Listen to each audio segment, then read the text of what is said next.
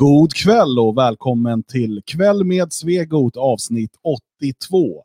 Ja, det är avsnitt 82 denna 20 april år 2020. Det är många 20 här, så vi tar in den minst 20-åriga människa jag känner. Han heter Magnus Söderman. Välkommen till sändningen.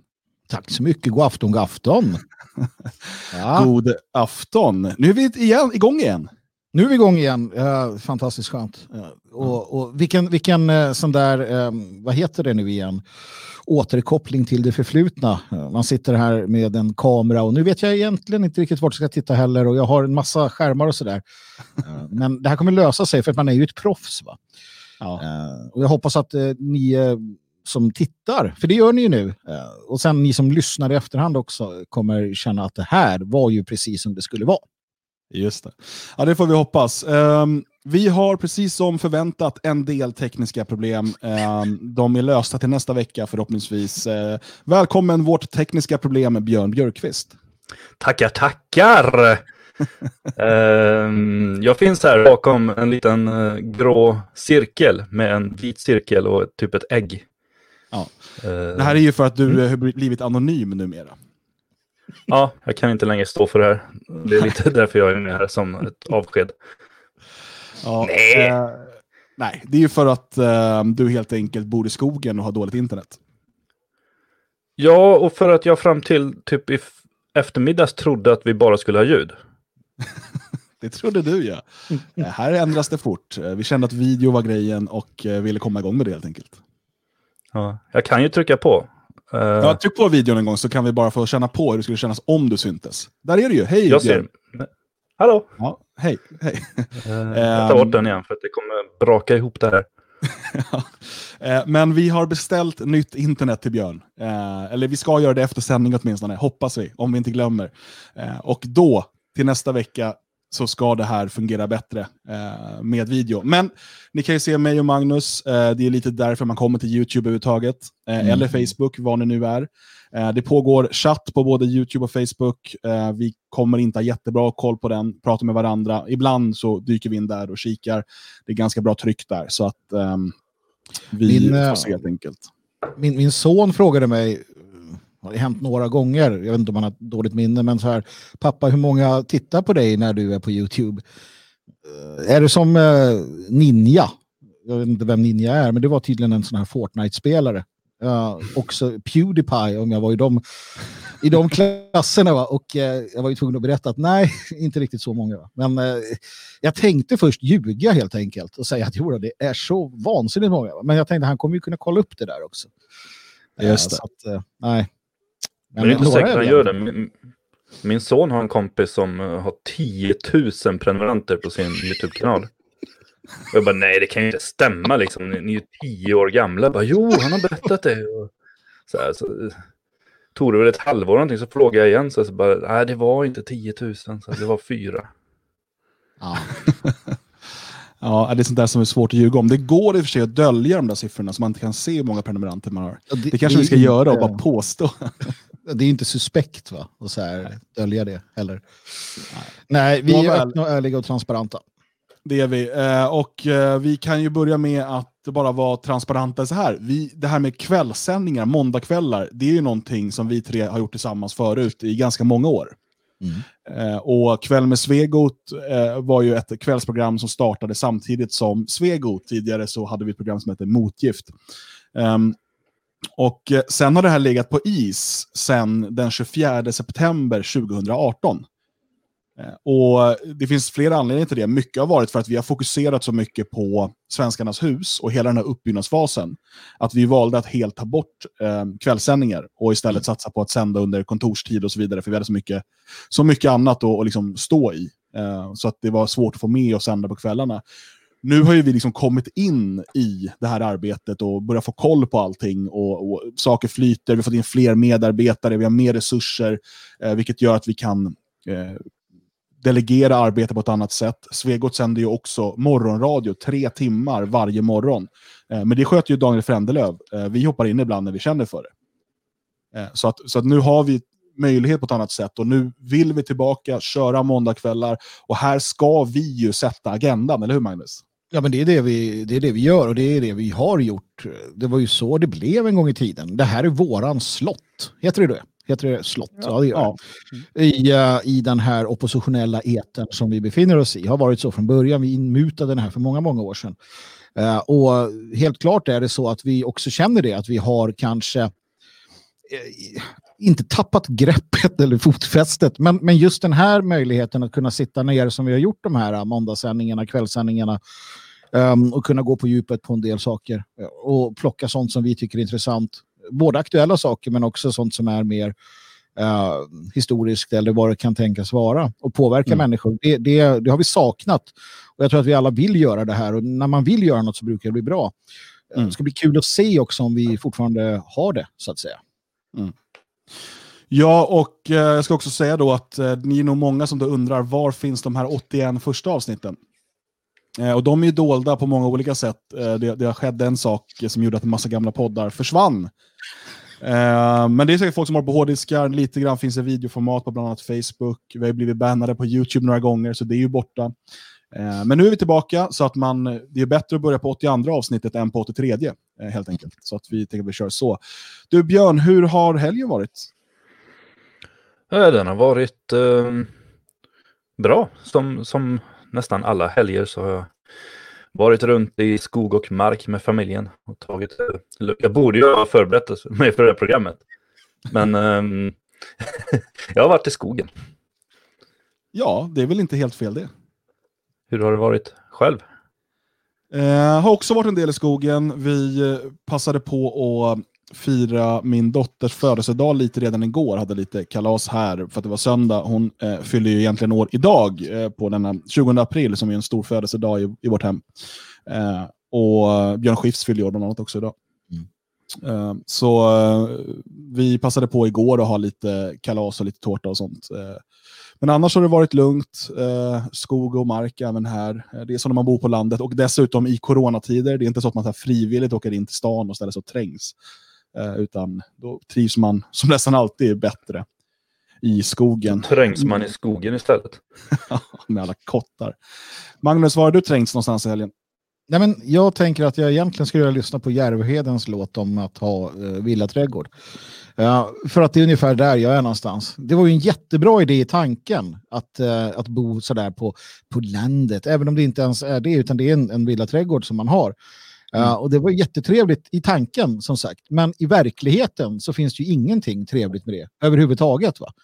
Um, mycket undliga växter som växer och mycket konstiga saker som händer och det, det måste fixas och donas. Och, och jag är lite som Knut Hamsun. Jag är lite som Werner von Heidenstam med flera. Vi, vi skriver romantiskt och tänker romantiskt om bonden och det här fria livet. Men vi gör det från verandan där vi dricker punch och röker en cigarr. Uh, ingen av de här herrarna heller var särdeles sådär uh, uh, naturmän på det sättet. Va? Så att uh, det är lite så.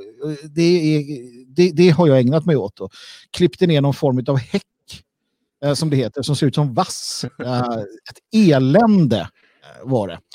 Men det ska ju göras då. Min, min bättre hälft verkar gilla det här mer. Då. Men sen så tror jag att vi har corona också. Eller någonting. Um, eller hon i alla fall. Um, för att jag har kunnat läsa om det här nu och tydligen så kan alla uh, olika symptom vara corona. Och jag har mm. haft, och hon har haft och vi har haft tillsammans och i samråd i princip allt man kan ha. Va? Mm. Så att uh, jag hoppas ju det. Och, och, och, jag vet inte hur ni är, men jag hoppas verkligen att jag har haft det. Ja, verkligen. Det är ju det allra bästa. Jag tror att jag har haft det, men jag är inte säker. Det har varit så pass små symptom så att jag har ju jobbat som vanligt. Och det är mm. ju inte så bra i så fall. Men, men ähm, ah, jag vet inte. Jag tror väl att det är ganska bra ju, ju förr man får det. Alltså det är ju jättedumt om man sitter och gömmer sig hemma nu. Och sen får man det i, så här, till våren nästa år när ingen är beredd på det. Mm. Och ingen kommer ju bry sig. Nu kan ju folk tycka synd om men nästa år så bara, ja, ja, du är så 2020. det där har vi alla haft redan. Liksom. Vart ja. var du då liksom? Under 2020? 2020? Ja. Nej. Nej, jag håller helt med. Och liksom, kan, har man dessutom fått det med milda symptom eh, så är ju det jättebra. För att vi vet ju människor även i liksom ganska ung ålder och även utan underliggande sjukdomar kan bli riktigt jäkla sjuka. Det verkar oerhört jobbigt för de som får svåra symptom, även om man inte dör. Ja. Så man vill ju helst inte ha det. Nej, det där kryper ju närmare också för att man, man hör ju fler och fler. Nu verkar det liksom komma, nu verkar det skaka loss ordentligt. Uh, och där man hör folk man känner och sådär som, som det går hyfsat uh, illa för under en, en, kortare period i alla fall. Och, mm. och eftersom vi är, eller jag är ju, uh, liksom börjar, man, man, börjar komma upp i, i åldern då, även om man fortfarande är ung. Um, så, så är man ju inte 20. Och det där är någonting jag tror det är svårt att glömma bort att man är det. Mm.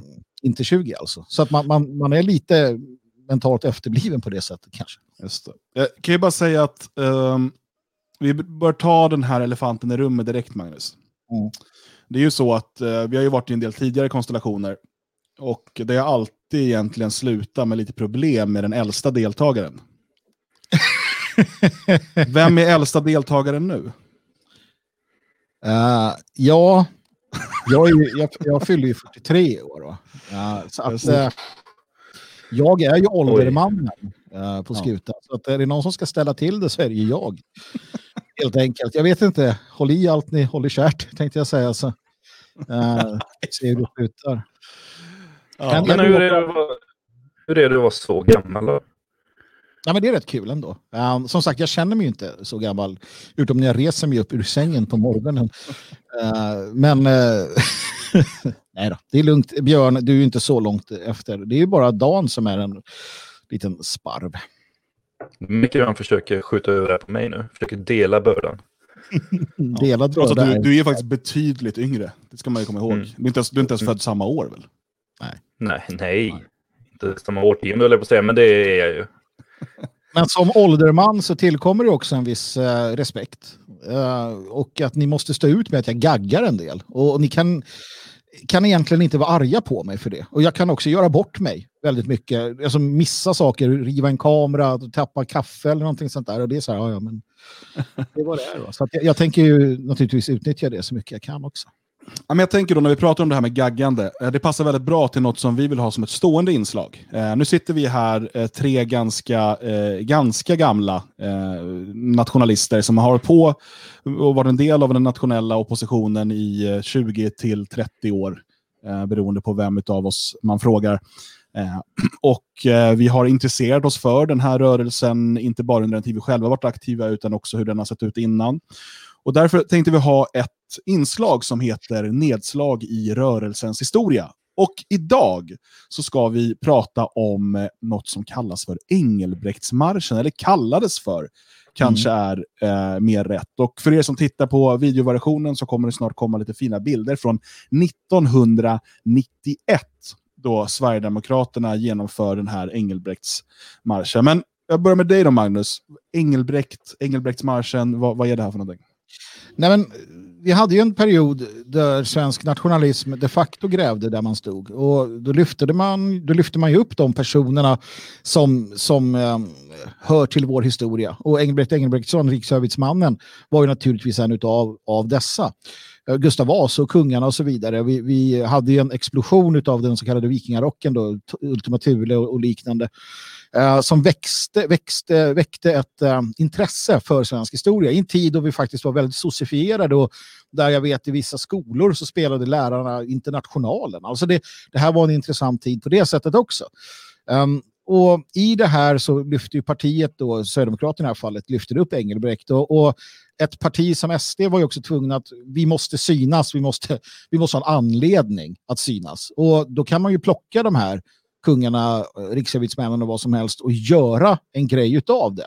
Och det gjorde man med Engelbrekt Engelbrektsson. Så att det fyller ju flera funktioner. Man lyfter någonting som, som kommer ur vår mylla eh, och man tar det till sig. Eh, han var ju och är ju väl värd att uppmärksamma naturligtvis som en stor svensk, en fri svensk för att eh, inte säga annat. Och då kunde man ju då välja att gå genom centrala Stockholm. Vi ser på bilderna som rullar hur man går eh, Slussen och, och upp mot eh, Kungliga slottet. Där. Och man noterar att poliserna på den här tiden hade svarta uniformer, skinnuniformer med vita koppel. Det var andra tider utan tvekan, 1991. Uh, och det här var ju ett sätt att synas för att det fanns inte så många andra sätt att synas på. Det fanns inte internet här i, och, och, och, liknande roligheter. Va? Så att, um, det är ju så alla de här demonstrationerna har kommit till helt enkelt. Och det, det, det är så vi, har, så vi har arbetat, vilket är helt uh, rätt. Mm. Uh, Björn, Engelbrektsmarschen, är det någonting du har deltagit i? Uh, ja, jag har deltagit. Vi satt och pratade här innan och kom fram till att det måste ha varit... Vad kom vi fram till? 90... 95, 1995 och 96 deltog jag. 95 var fantastiskt. Det var väl en av de första demonstrationerna jag var med på. Uh, och det var väl en 800 pers tror jag. Det fanns, fanns inget tillstånd att demonstrera. Polisen sa att uh, ni kommer inte få genomföra den här demonstrationen. Och hade de också räknat med att det kanske skulle komma 100 pers och när det var 700 så sa arrangören att uh, nu går vi. Och då sa polisen att ja det gör ni. Och så gick vi. Och det var bra stämning. Väldigt mycket folk som sagt och det var mm, väldigt mycket vanliga människor. Eh, det stod tre stycken skinnskallar där och vevade med högerarmen så de hamnade på framsidan på Aftonbladet.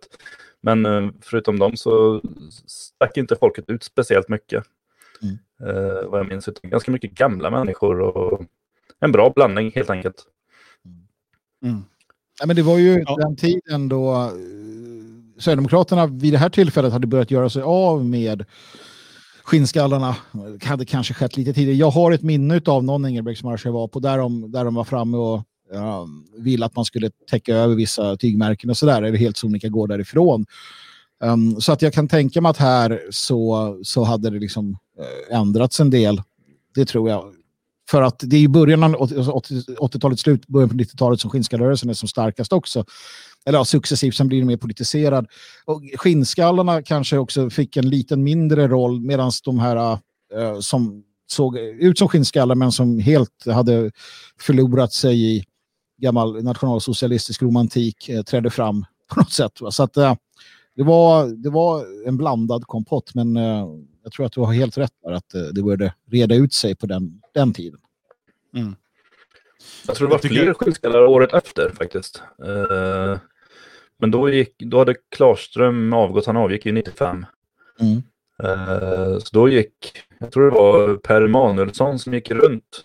I, efter alla hade ställt upp sig så gick han runt och så hade han med sig en lista, eller, eller man kunde det i huvudet, och godkände eller icke godkände symboler och hade med sig en tejp som han satte över uh, folks jackor och sådär. Och en del var ju väldigt tejpade och fick ju tejp i huvudet och allting sådär. Eh, men alla accepterade det med. Det var ingen som gick därifrån, men det var säkert en och annan som tyckte att de inte skulle komma tillbaka. Mm. Just det. Ja, eh, jag ser Konrad T skriver här i chatten och undrar vad alla som gick med, eh, med där gör idag. Är någon som hänger här kanske?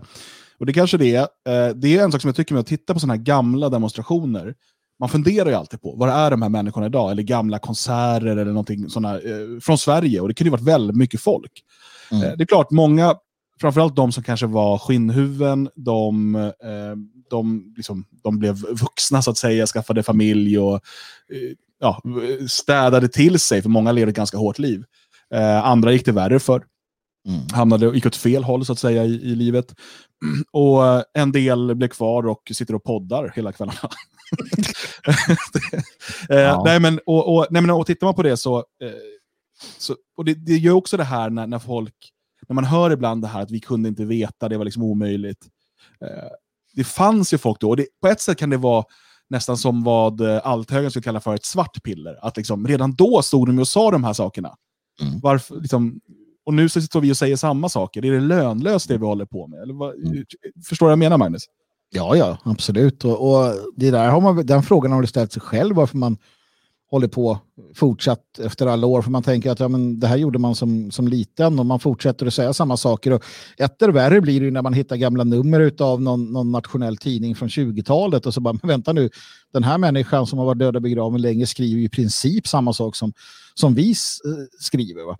Men där någonstans måste man ju förstå att, att problematiken är gammal. Att det har hållit på länge och det kommer hålla på länge än. Och även om vi skulle få respit eller om vi skulle få ett, eh, säg att vi får 10-20 år av nat mer nationellt styre och så vidare så kommer det kanske slå tillbaka igen. Va? Det här är en, en ständigt pågående rörelse. Det, det, det vi pratar om är ju civilisatoriska händelser det är ingenting som, som löser sig på liksom en halvtimme eller sådär. Så att jag, jag, eh, jag, jag är inte bitter, det är jag inte. Det finns ingen anledning att vara, utan eh, man får ju bara göra det man måste göra. Vi ser på videon nu förresten Sven Davidsson, en av eh, Sverigedemokraternas grundare.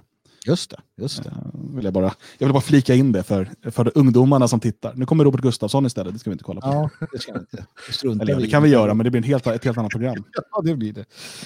Uh, nej men så att jag, jag vet inte, men uh, inte Björn utan Dan, uh, du med ND, alltså Nationaldemokraterna, mm. Återupplivade väl denna, denna händelse också sedan va? Precis, jag har mig för att jag deltog i någon när jag var medlem i Nationaldemokraterna typ 2002-2003. Mm. Jag vet att det var en Engelbrektsmarsch 2006 efter jag hade lämnat partiet, men jag var där ändå och deltog som oberoende aktivist eller vad man ska kalla det för.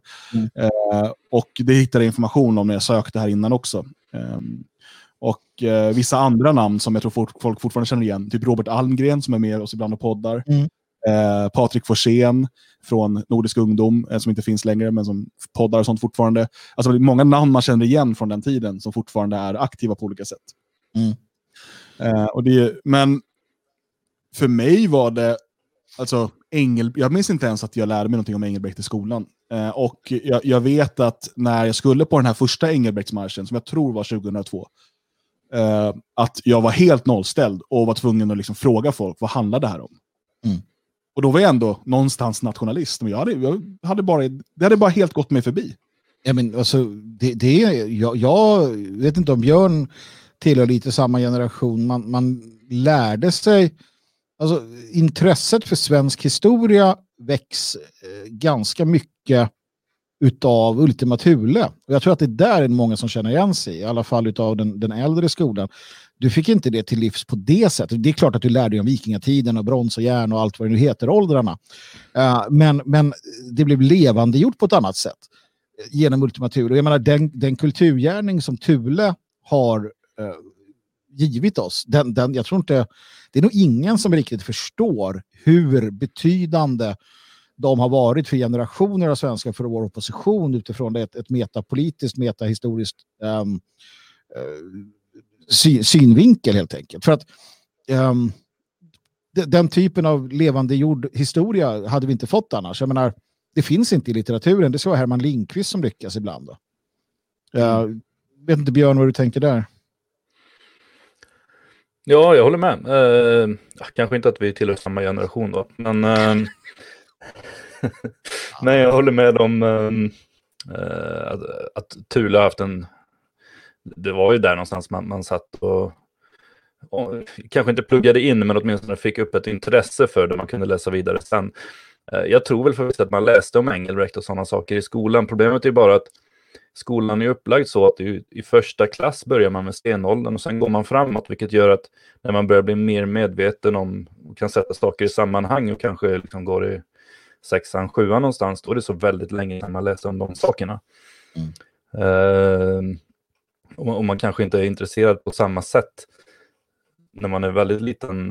Jag vet att det brukar också vara väldigt mycket lokal historia Uh, det, det, är nog mer rätt så att säga att kunna sätta det i ett närmare perspektiv för eleven än att jag som gotlänning ska sitta och höra om vad någon snubbe i Dalarna pysslar med.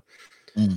Uh, vi lärde oss ju, vill jag minnas, och det tog jag ju sig intryck av, vi lärde oss ju att uh, hata fastlänningen och stockholmaren som alltid hade varit och jävlats. Liksom hållit på danskar och stockholmare som hade på och bråkat och tagit över Gotland fram och tillbaka.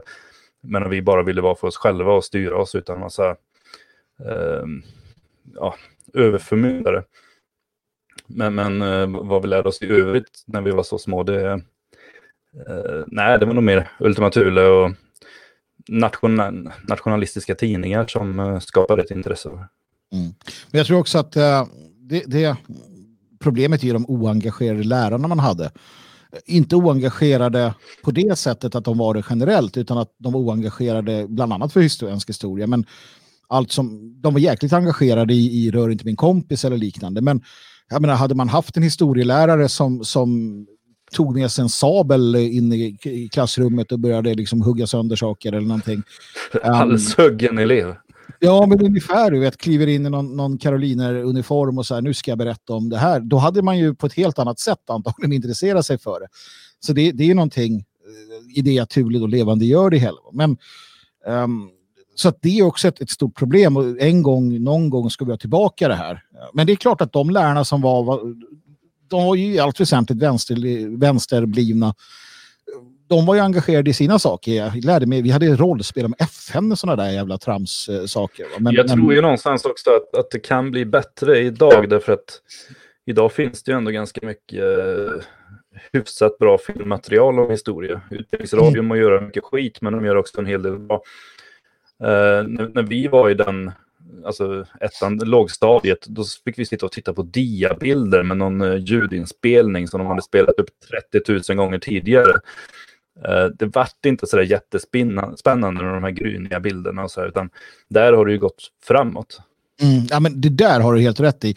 Och jag råder er alla som har små barn. Alltså, jag satte min son framför Jurassic Park väldigt tidigt och väckte ett intresse för dinosaurier. Uh, och, och, hela den biten uh, satte han framför, uh, vi tittade på 300, när det nu var, förklarade lite att det är lite science fiction över det här, men det är liksom Leonidas och det är hela den biten, Sagan om ringen, det finns ju mycket sånt där um, som, som faktiskt, um, faktiskt stimulerar på ett helt annat sätt, som du säger, den här uh, förståelsen för histor- sin, sin egen historia. Så att, um, nej, men det, det, det råder jag alla att göra. Mm. Engelbrektsmarschen alltså. Jag tror nog att sista gången den hölls kanske var det 2006 med Nationaldemokraterna. Eh, åtminstone i sån organiserad form. Ja, senaste gången då kan vi säga. Mm. Eh, men ska vi bara reda ut det här med datumet då? Mm. Alltså, vad jag har kunnat läsa mig till så ska eh, Engelbrekt ha dött ungefär den 4 maj. Mm. Mm. Um, men Engelbrektsmarschen hölls alltid i april. Mm. Men eh, ja, Alltså det var väl ganska sent i april kanske, eller något sånt. Och, och kanske för att man inte kan hålla det eh, första maj, andra maj. Du vet, det är eh, brasor och elände och, och så ska folk upp och så är det vänsterns dag där. Och så, så tänkte man att ja, men det blir bra och ta det lite innan helt enkelt. Man, man förekom uh, första maj-firarna och sådär.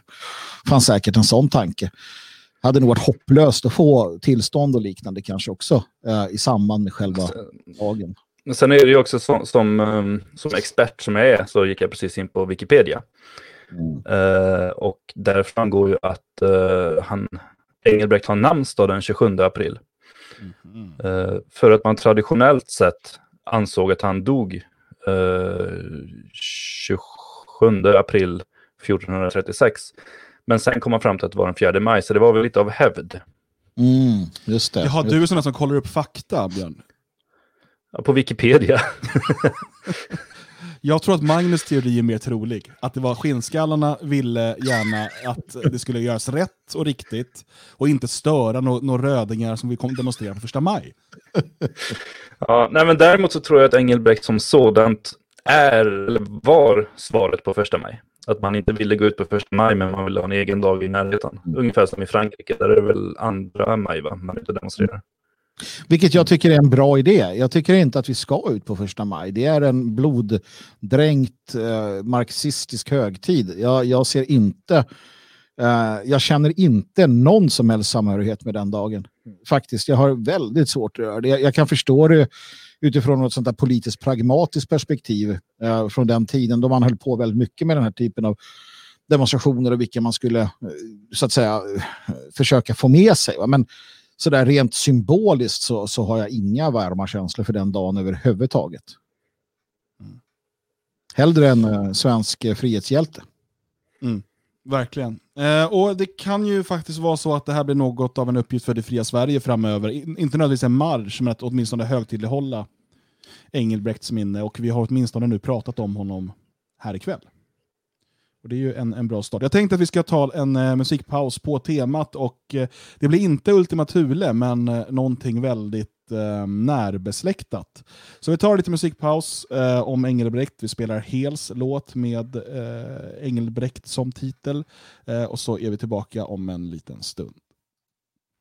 Mm.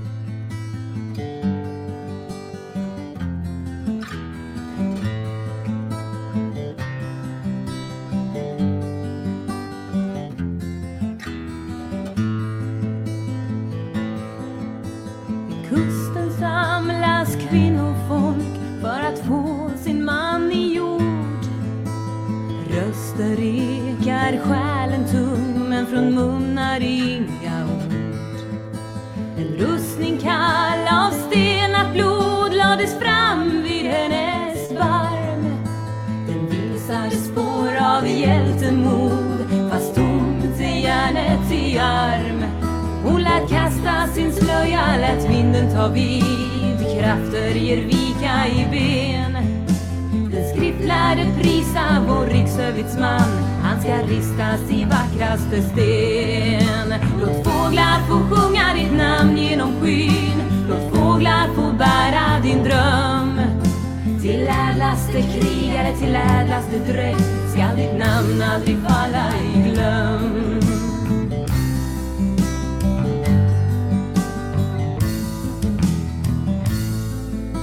En färgad rustning, ett minne blott ner i graven sänks. En sista fanfar, trumpet i gevär gör så att ögonen sakta de dränks. Luften är kvav och tårarna är slut men i tysthet hörs fåglarnas sång. Vi ska föra hans namn genom stormarnas vind. Vi ska följa hans steg genom dödsrikets gång. Så hon lät kasta sin slöja, lät vinden ta vid bönder med fanan så sträckt. Den skriftlärde prisa vår riksövitsman, stolta Engelbrekt. De lät fåglar få sjunga hans namn genom skyn till bönder av ädlaste dräkt. Från de ädlaste krigare av ädlaste släkt, stolta Engelbrekt.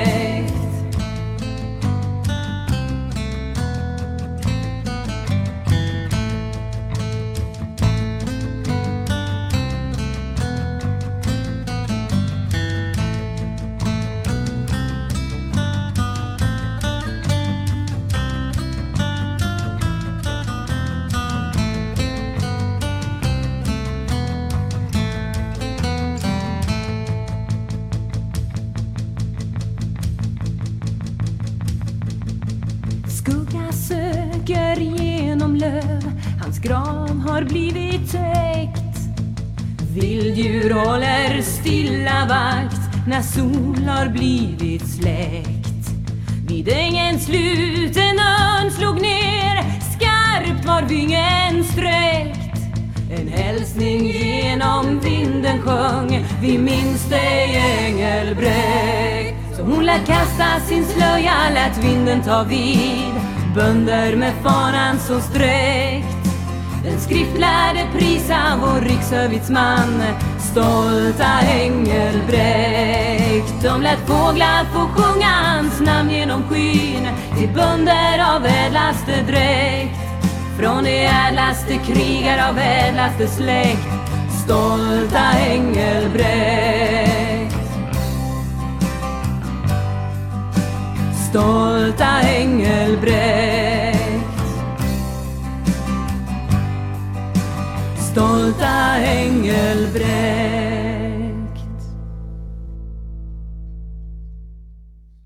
Ja, lite hel med Engelbrekt alltså. Det är ju ett trevligt litet avbrott sådär va? Ja, hel är bra. Hel är bra. Det, det, är, där, det är kul med musik för att det, det kommer och går. Uh, intresset. Tula har kommit tillbaka och inte nog med Tula. Karolinerna har, har blivit sånt där som jag lyssnar allt oftare på från att inte ha lyssnat på det på, på många, många år. Mm. Så att det, ja, det är bra. Det är bra. Um, jag tänkte att vi skulle gå in på uh, nästa ämne här och um, vi skulle prata lite om det här med eh, gymnasielagen. Eh, hur kan det överhuvudtaget vara aktuellt? Jag tänker att eh, har det inte, var inte det ja, någon frånvaro av debatt och eh, sen röstades det igenom och eh, plötsligt skulle alla afghaner som sa att de ville gå på gymnasiet få stanna i Sverige. Eh, eller eh, har det här liksom, har det hänt något mer? Nu tappade vi bort Björn. Eh, Precis, vilket är intressant i sammanhanget för det här är Björns ämne. Som vanligt då, och som tur är, så är jag ju lite av ett eh, allgeni. Jag kan det mesta. Och, och, just vad det kommer, när det ankommer gymnasielagen, då, eller afghanlagen eller vad vi ska kalla den för, så var jag tidig, som jag brukar, och du också Dan med flera, att konstatera att vänta nu, det här är bara ett eh, steg mot en eh, total amnesti. Och det sa vi, skrev vi, pratade vi om och resonerade kring när den här kom. Lagen som sådan sågades ju vid fotknölarna av i princip alla alla sådana här uh, som man skickade ut den till för att få lagrådet så att det här är det sämsta de har sett någonsin. Så här kan ni inte göra. Mm. Och den, den drevs ju igenom av Miljöpartiet och Centerpartiet um, och, och sossarna. De ju, gör ju bara som de känner för när det, när det passar så att säga. Mm. Um, och, och det vi ser nu det är att vi återigen, jag är så trött på det här, blir sannspådda. Mm. Därför var vi med oss Björn igen. Välkommen tillbaka i spelet. Hej, hej, det var mitt fel. Okej, okay. du stängde ner eh, webbläsaren eller? Nej, men jag dödade kameran. För den håller på att blinka där uppe. Så här, en röd kamera som blinkar. Så tänkte jag den behövs ju inte, för jag använder ju inte den. Mm. Men då försvann jag tydligen helt och hållet. För då okay. stängde jag tydligen av alla rättigheter för att sända något. Jag hörde ju er, men... Ähm, ja. Det har löst sig. Så, gymnasielagen, mm. hur har den här kunnat bli aktuell igen? Vi gav lite bakgrund här vad som hände när den klubbades igenom. Var, var, varför är det här aktuellt nu? Jo, men den är aktuell nu för att uh, nu är ju alla rörande överens om att lagen var inte så himla bra. Det var alla rörande överens om även då, när lagen uh, kom till. Alla sa att det här är en dålig lag. Centerpartiets ordförande Löv gick ut och sa att det här är ingen bra lag. Så vi röstar på den. Och så gjorde man det. Uh, och ingen var nöjd. Uh, de som ville ha fler främlingar var förbannade på att den var så begränsande.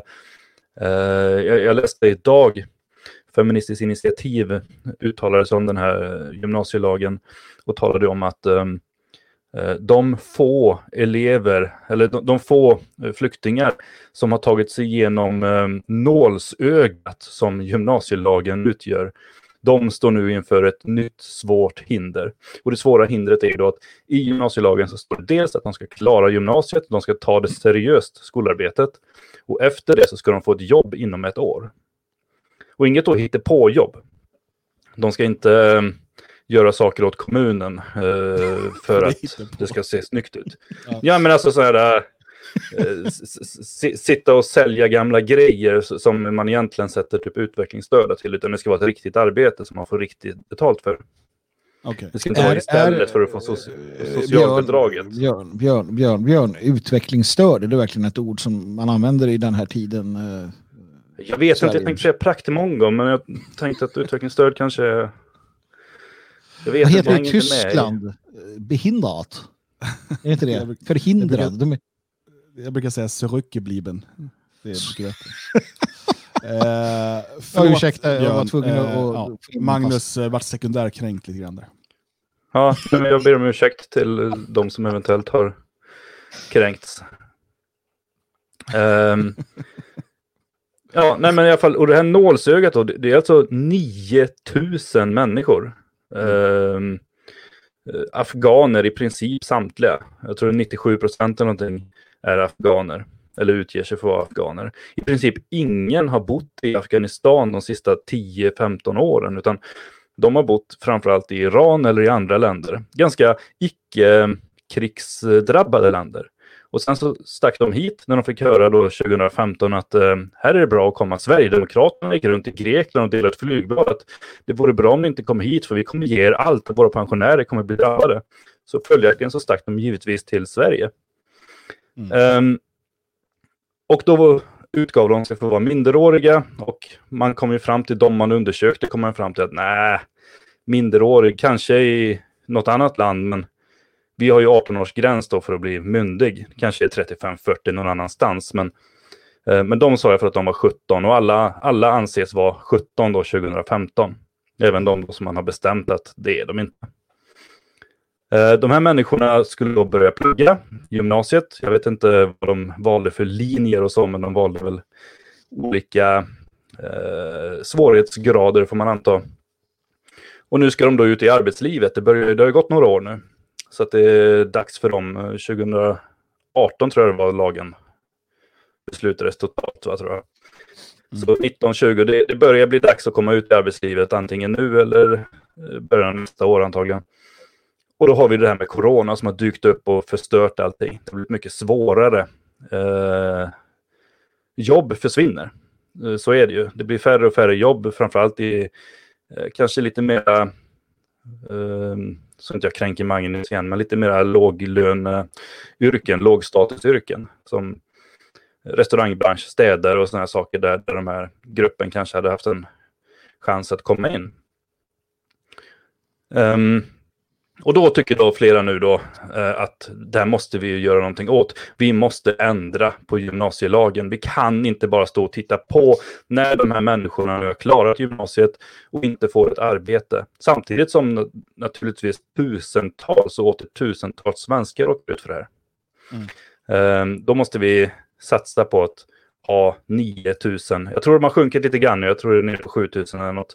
Det, det nålsögat var trångt. Alla kunde inte ta sig igenom. Det är ändå svårt att gå till skolan varje dag. Eh, så att, ja, så det kanske är 7000 kvar eller någonting. Jag såg någon uppgift där. De här människorna måste få stanna i alla fall nu. De måste få uppbära bidrag, vi måste försörja dem, de måste få glida runt utan att um, förfölja det de, deras um, lilla uppdrag i den här överenskommelsen. Mm. Och det är alltifrån Feministiskt initiativ då till Centerpartiet, det är eh, Liberala ungdomsförbundet, det är, vad heter han, Henrik Jönsson gick ut och tyckte också att det här måste vi faktiskt göra. Vi kan inte hålla på nu. Det här är fruktansvärt för de här stackars eh, mm. barnen som har, vi har gett dem så mycket hopp och nu ska vi rycka mattan ifrån dem. Och vi har gett dem en utbildning och nu ska de få åka hem och använda den utbildningen för i Sverige finns det inga jobb. Så kan vi inte göra. De måste få stanna kvar här och leva på bidrag. Och låter det, det om, om, om, vi nu har gett dem en utbildning och de har lärt sig någonting, eh, vad man nu lär sig i svenska gymnasieskolan, men det de har lärt sig, om det nu är så värdefullt sen också, det är väl jättebra om de åker hem med den kunskapen då och kan bygga upp de där länderna som, verkar, som det inte verkar gå något bra för. För att samtidigt som det här sker så läser vi eh, om den ökande arbetslösheten nu i, corona, eh, i coronans spår. Eh, man skriver här, kolla på omni.se som sammanfattar och skriver att 100 000 svenskar har blivit arbetslösa sedan första mars, alltså på en och en halv månad. Eh, och man räknar med eh, alltså, va, alltså varsel och att folk blir av med jobbet i ungefär de här siffrorna varje månad framöver. När det gäller korttidspermitteringar och så vidare så, så blir det ännu mer. Eh, och, och, I det läget så är det då, verkar de här människorna då tycka att det är rimligt att, att vi eh, ska lägga våra resurser på att se till att skäggiga afghaner som har gått något år på gymnasieskolan ska få stanna i Sverige trots att de inte har något jobb. Vilket var förutsättningen i den lagstiftning som redan från början var usel. Det, det är svårt att se det som något annat. Alltså, de här människorna som, som går ut med det här, vi såg Liberala ungdomsförbundet, Vi står inte ut, Centerns ungdomsförbund, alla jävla ungdomsförbund tror jag, går ut och skriver sådana här saker. Och Henrik Jönsson. Eh, för de människorna, det viktigaste av allt, det är ju att icke-svenskarna ska vara i Sverige. Det, det står över liksom, samhällsekonomi, det står liksom, över arbetsmarknad, eh, det står över eh, vår demografiska framtid, det står över hur det påverkar kriminalitet, hur det påverkar psykiskt välmående bland svenskar eller bland utlänningar. Det är liksom irrelevant. Det viktiga är att de ska vara innanför våra gränser och de ska stanna där och vi ska ha plikt att försörja dem resten av livet. Det är liksom det viktiga här. Men, men det är ju det här mm. som, som eh, det är här vi ser hur eh, vänstern och liberalerna och också de ekonomiskt, eh, kan vi kalla dem kapitalister bara för att bara för att tydligt säga att vi företräder en tredje position så kallar vi dem kapitalister. Mm. Liberaler, kapitalister, vänstern, alla de här enas ju. Det är tre sidor av samma mynt Eh, tresidiga mynt som vi har uppfunnit här. För att de har olika bevekelsegrunder, men, men, men själva resultatet blir detsamma. Det här, det här var ju det som, som Centern ville hela tiden, för Centern vill ha massor med eh, billig arbetskraft för att det är så man, man i deras värld ska ha det. Så att de kan ha en poolpojke. Så att de kan ha någon, någon billig människa som går och, och, och krattar deras löv. Eller vad det nu kan tänkas vara. Va? Precis som vi ser i USA. Eh, och vi vet alla vart det slutar historiskt sett. Samtidigt så vill vänstern ha det. Socialisterna vill ha det av sina skäl. Eh, vissa vill ha det för att de ärligt talat vill ligga med dem alltså batikhäxor och annat, mm. de slipper åka till Gambia och hämta hem dem. De har sina. Och vi ska inte ens börja med hur de där forumen, glöm inte det nu, kära lyssnare och, och kära tittare. Glöm inte den sexhandel som i princip pågick och pågår mellan de här gamla kärringarna Eh, och eh, de här unga afghanerna som de de facto utnyttjar på ett sätt som hade män gjort det så hade det varit en skandal utan dess like. Va? Uh, det, det, är en, en, en ack, så, ack så, så, relevant sak i detta, varför de har ställts på barrikaderna. Så att alla de här är överens om att de här ska vara kvar. Och i vissa fall, jag ska inte säga alla, men i vissa fall så är jag säker på att man, man såg det här komma. Varför vi också initialt sa det, att det här kommer sluta med att man kräver en, en, en, en, en, amnesti. För att det kommer bara finnas två alternativ. Och det ena alternativet, det är vårt alternativ. Bort med dem. Och, och, och, vi låter oss inte påverkas av, ja men det är så synd om dem, nu har de varit några år, jag, har, jag bryr mig inte. Jag har noll empati, ingen empati. Jag känner inte ett dugg för de här människorna. De ska ut. De kan ta med sig batikkärringen och, och Annie Lööf på, på, på flyget. Va? Eh, men då krävs det att du säger det. För att är du minsta lilla anständig eh, nationalist eh, eller liksom Sverigevän, ja någonstans där så, så, så här, ja men nu har vi ju ställt till det och nu får de väl, ja men de här får väl stanna i alla fall. Då. Eller vad säger du Heberlein? kan de inte få. Jo, just det. Ja, och sen, men sen får det vara nog. Tack och lov så säger Moderaterna nej. Och till och med Morgan Johansson sa ju att det blir inte tal om detta. Va? För att eh, det vill man inte av någon anledning. Får väl se. Mm. Mm.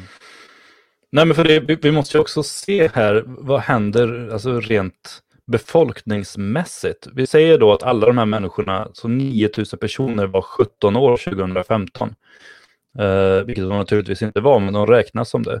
Det gör att idag är de alltså eh, 22. Eh, vi, vi, har alltså en generation där, det föds ungefär 115 000 människor i Sverige varje år. Och det är inte bara svenskar. Nästan 10 procent av dem i den ålderskategorin som nu är 22 år utgör just den här gruppen eh, gymnasieamnestifigurerna. Eh, det, det, liksom, det, handlar inte om några hundra, det handlar inte om ett litet fåtal, utan det, prova att injicera 10% gift i blodet. Mm. Eh, prova, hur, hur, lyckat blir det? Eh, ett blod som dessutom redan är ganska förgiftat. Det, det sker en eh, väldigt, väldigt snabb förändring av befolkningen i Sverige. Vilket är jag vet inte hur, hur, man riktigt ska hitta ord som är tillräckligt kraftfulla för att beskriva det sveket mot kommande generationer av svenskar det politikerna håller på med. Det är fullständigt ansvarslöst. Det är ett eh, direkt angrepp, det är ett knivhugg mot våra barn. Mm. Verkligen, och, och, det du nämner där med liksom den, den här demografiska katastrofen. Eh, saken är att vi har ju pratat om det i decennier, så vi i den nationella oppositionen Eh, och eh, Expo och andra har ju liksom hävdat hela tiden att det där är någon typ av eh, konspirationsteori och vad de nu kallar det för. Eh, och Det gör de då genom att bara trolla med begreppen så att alla blir svenskar i deras begreppsvärld. Och så. Nej, kolla, mm. svenskar kan inte bli minoritet. Sen gick ju, det var inte länge sedan nu, det var några dagar sedan väl, som, som eh, Tobias Hübinette, Expo-grundaren, går ut och liksom skriver en, en artikel som eh, jag tycker han verkar som, ja, han tycker att det här är något positivt. Mm, mm. Eh, om att eh, nu är eh, snart svenskarna i minoritet och det går rätt fort här. Eh, här, chi fick ni. Mm. Ja, men man måste förstå hur centralt eh, massinvandringen eller folkutbytet är och av olika skäl. Vi ska inte hänga upp oss på att, att FN har en, en idé som heter replacement, migration replacement, replacement ja, nu minns jag inte ens vad den heter. Va? Ja. Men det finns ju en sån, alltså, där man helt enkelt, och, och, det är inget konstigt, alltså de konstaterar att i västvärlden så föder man inga barn. Mm. Man konstaterar det, att, att eh, befolkningen blir äldre för att de unga inte vill bilda familj. De unga svenskarna som sitter där ute, kanske inte just ni då som, som tittar på det här, men unga svenskar skiter i att skaffa barn. Mm. Och, och, och, det är ett faktum. Det, det, vi kan inte bara låtsas som att det inte är så. Då tänker FN att okej, okay, eh, vad gör vi? En hel kontinent börjar bli avbefolkad. Ja, nej, men då får vi helt enkelt flytta dit en massa människor, för det tycker de är det lättaste och bästa sättet. Och det, det, det hjälper också den enade värld och deras liksom, idéer och förhoppningar de har. Så det är inget konstigt, det behöver inte vara någon större konspiration i det egentligen, utan det är bara som det är. Va? Sen har du andra då med olika bevekelsegrunder varför de vill ha det så här. Och vi måste förstå hur centralt det här är. Till och med i en tid då, då världen drabbas av en pandemi så är det fortfarande så att, att eh, nej, vi ska inte ha hit folk och folk kan inte resa fram och tillbaka. Men är du asylsökande är det okej. Okay. Och mm. som vi, vi då läste hur eh, hur myndigheten här, utrikesdepartementet för någon dag sedan twittrade uh, ut att nu har vi hämtat tillsammans med SOS och Maria Leisners hårda arbete så har vi hämtat hem 200 svenskar från Gambia. Och jag såg det och tänkte, det finns inte 200 svenskar i Gambia.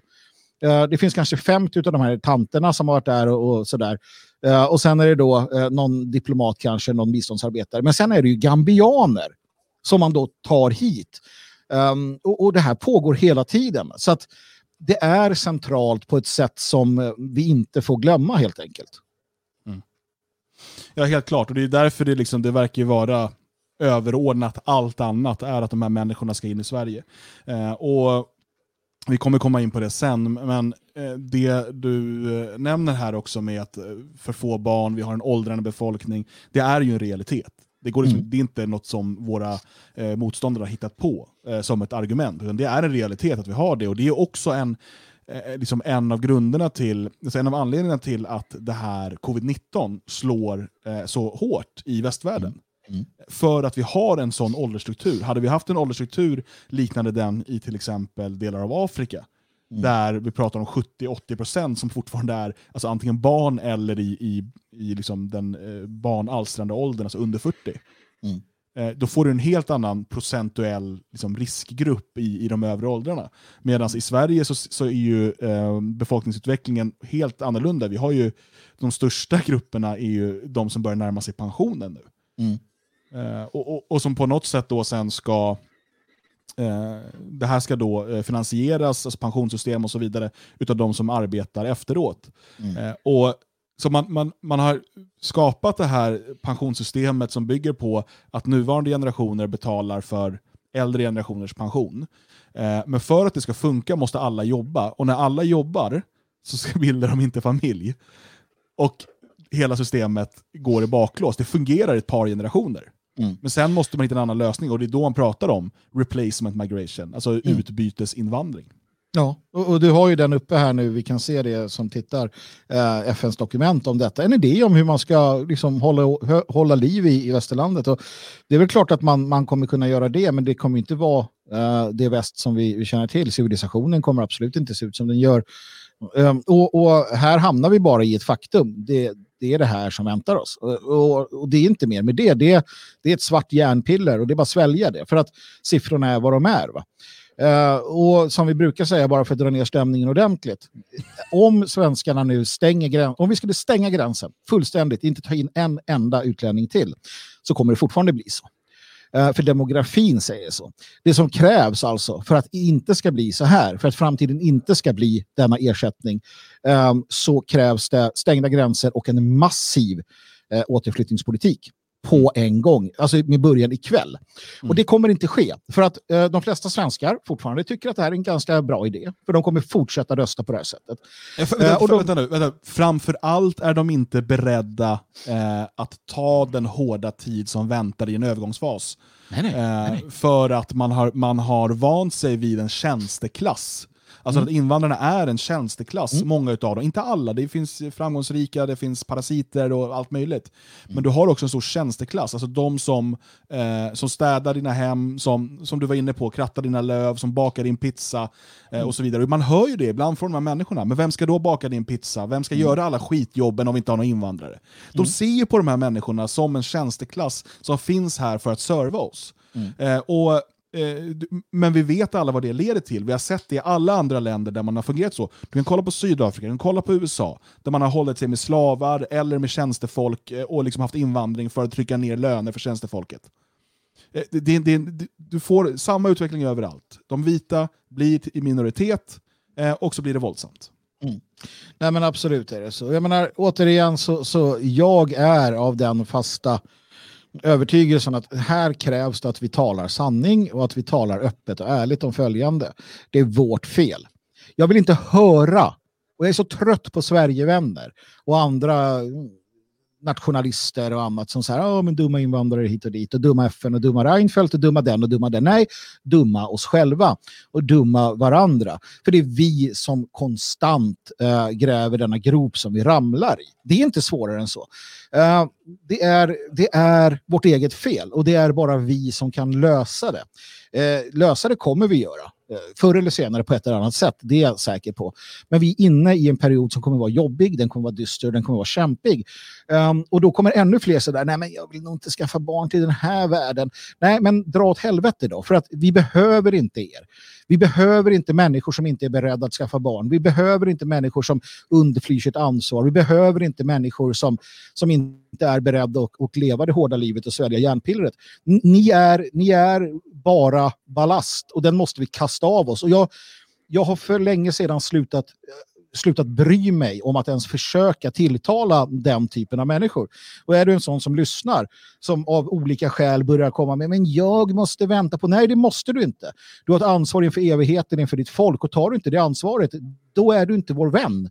Då är du ett problem. Du är ett problem för folket och du är ett problem i förlängningen för vår överlevnad. Så ta ditt ansvar eller ja, välj att göra något annat med ditt, ditt usla liv. Um, för att vi kan inte bära omkring på, era, på våra axlar. Mm. Och det är inte svårare än så. Va? Och det är hårda ord och det är ett svart piller, men det är sanningen. Och, och sanningen kan man inte undfly. Bara fega kräk undflyr sanningen. Och sådana kan vi inte heller ha att göra med. Manna upp för bövelen. Det är inte svårare än så. Va? Ja, vad tänker Gustaf Fridolin om det här? Ja, den där jäveln. jag hittade precis att man kunde byta bild, men jag hade ingen på datorn. Just det, det, säga, det här kräver en förklaring för podcastlyssnarna. Alltså i videoversionen så har nu Björn bytt visningsbild till Gustaf Fridolin. Det är därför som vi... Med regnbågsnaglar. Just det. Den ja. hade du däremot på datorn. Det, jag vet inte vad det säger om dig, men... jag har bilder på mig också, men jag hittar inga närbilder. Men saken är ju den att om vi bestämmer oss, och det är det här som, som är det hoppingivande. Om vi bestämmer oss, en liten rest utav eh, svenskar, europeer, om vi bestämmer oss för att vi ska överleva, vi ska gå vidare, vi ska ha barn, vi ska se till så att det finns en morgondag, så kommer vi kunna lösa det. Så är det. Och, och jag, jag, tycker när du pratar om svarta piller, ett vitt piller i det här, vad som kan hända. Eh, och det är inte säkert att vi, liksom, eller så här, det är ganska osannolikt att vi kommer få politisk makt över Sverige AB eh, liksom inom, inom någon rimlig tid. Eh, utan det kommer spela, utspela sig på ett helt annat sätt. Men titta på Ungern och titta den effekt som deras familjepolitik har haft. Det går att förändra. Det går att förändra. Hade politikerna velat förändra det här, hade de velat att det sattes fler vita barn, fler svenska barn till världen, då hade man kunnat ordna det. Det går att skapa incitament, det går att skapa förutsättningar för familjebildande. Men istället jobbar man stenhårt för att göra tvärtom. Hand i hand med eh, det massmediala etablissemanget som hela tiden pumpar ut propaganda om barnlöshet eller barnfrihet som de kallar det, eh, om att män ska sterilisera sig. Så fort det handlar om att man inte ska ha barn, då är det alltid vita familjer som visas. Eh, och man riktar aldrig den här propagandan mot svarta, eller araber eller andra främlingar som bor i Europa. Utan det är alltid riktat mot vårt folk. Och Det här mm. går att förändra om man vill, men den viljan finns inte. För det här är medveten politik för att byta ut vårt folk. Varför, undrar en del. Varför? Ja, den frågan kräver nog ett par extra program att filosofera kring. För det eh, kan bli riktigt mörkt. Jag, jag tror att, eh, jag tror att eh, till exempel kommer Sölvesborg, om det fortsätter som det gör där nu, det kommer bli en kommun dit människor flyttar. Där kommer du få se en helt annan demografisk utveckling. Jag hoppas på att eh, Elgarås och Töreboda, där Svenskarnas hus finns, och andra platser där det fria Sverige blir starkare, också kommer se en helt annan utveckling. Och det är det, det, är det eh, Dan är inne på också. Eh, det här att ägna sig åt rikspolitiken, mm, det kan man göra om man vill det. Men jag är övertygad om att där vi kan göra skillnad på riktigt just nu, det är i eh, de, de mindre kommunerna, eh, kranskommuner eller platser där det faktiskt finns möjlighet för ett antal människor att påverka. Och inte påverka nödvändigtvis genom att, att göra eh, politiska aktioner och liknande, men att, att i kraft av att, att förändra samhället positivt, skapa förutsättningar som Dan var inne på. Uh, för att har vi inte en, en, en regim som bryr sig om oss så får vi bry oss om oss själva och därigenom skapa de förutsättningarna.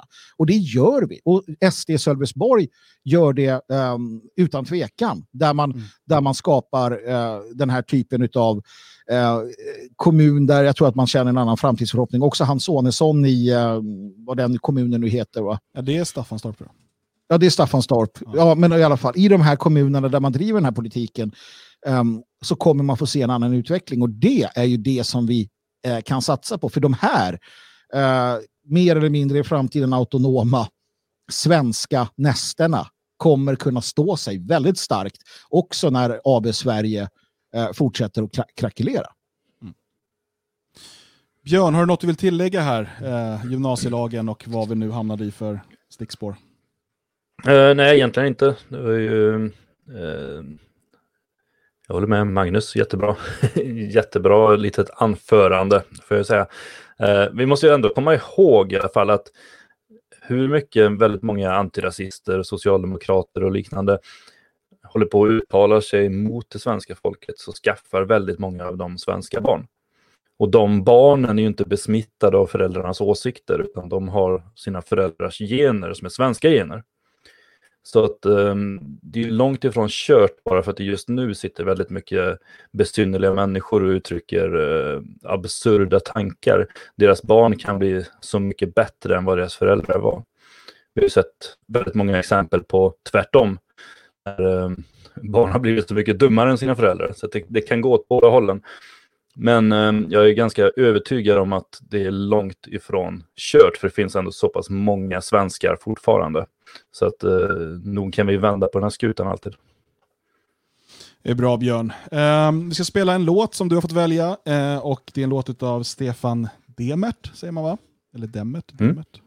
Eh, något du vill säga om den eller är det bara för att det är en skön låt? Nej, men jag valde den egentligen bara för att det är en skön låt, men sen så valde ju Magnus ämne som den ändå går in lite på sen. Mm. Uh, och den handlar ju om en uh, man som, som ehm, är framgångsrik men uh, gapar efter lite mycket och uh, inte tar nuet på allvar, inte tror, eller inte är nöjd med det han har utan vill ha mer och så går det som det går.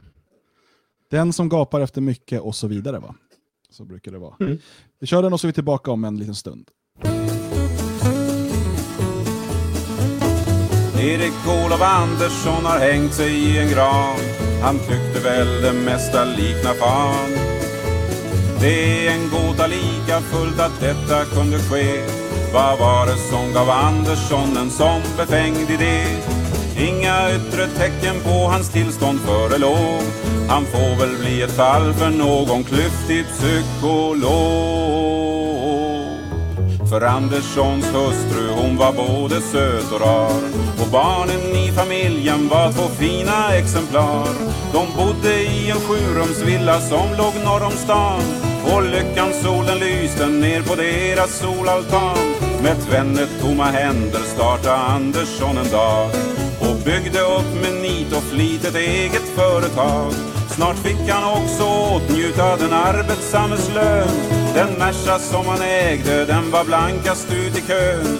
Och ofta tog fru Andersson sina kontokort och parkerade sin shoppingbil vid varuhusets port. Där åkte hon i trapporna från bittida till sent. När hon åkte hem var varuhuset nästan rent. De hade kylskåp, barskåp, torkskåp, frysbox, och tvättmaskin svinleders fåtöljer och auktionsinköpsporslin. Segelbåt och motorbåt och stuga vid en strand. En hammock och en flaggstång och ett eget jordgubbsland. Mm, mm, mm.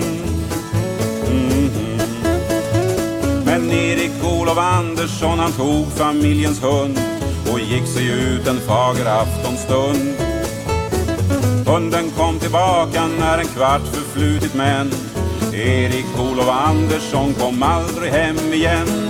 När man sedan sökte ut i månens bleka sken då hängde stackars Andersson och dingla från en gren. Aldrig mer ska Andersson höja upp sitt glas och hälsa alla välkomna till sill och kräftkalas. Aldrig ska han stå på knäna i sitt jordgubbsland eller sitta i sin hammock med en iskall grogg i hand. För solen gick i moln och allt förlorade sin glans. Hans firma gick allt sämre, han fick utländsk konkurrens. Det gäller, tänkte Andersson, att lägga på ett kol för att ro det här i land och för att täcka alla hål. Och han bodde på sin firma ofta flera dygn i sträck. Han rationaliserade och gjorde extra knäck. Och det sägs att han på slutet varit synligt titt och tätt på Solvalla och ställen där man spelade roulette. Men räkningarna lagrades och blev en pyramid. Och Erik Olof Andersson fick aldrig mera fri. Och denna fagra aftonstund då sprack det alltihop. Då tog han hundens koppel av och knöt en liten knop. Ajöss med den, ajöss med den. Erik Olof Andersson har hängt sig i en gren. Låt om oss nu knacka på hans sten. Här vilar Reo Andersson ett offer för vår tid. Må himlens alla änglar vagga dig till salig frid.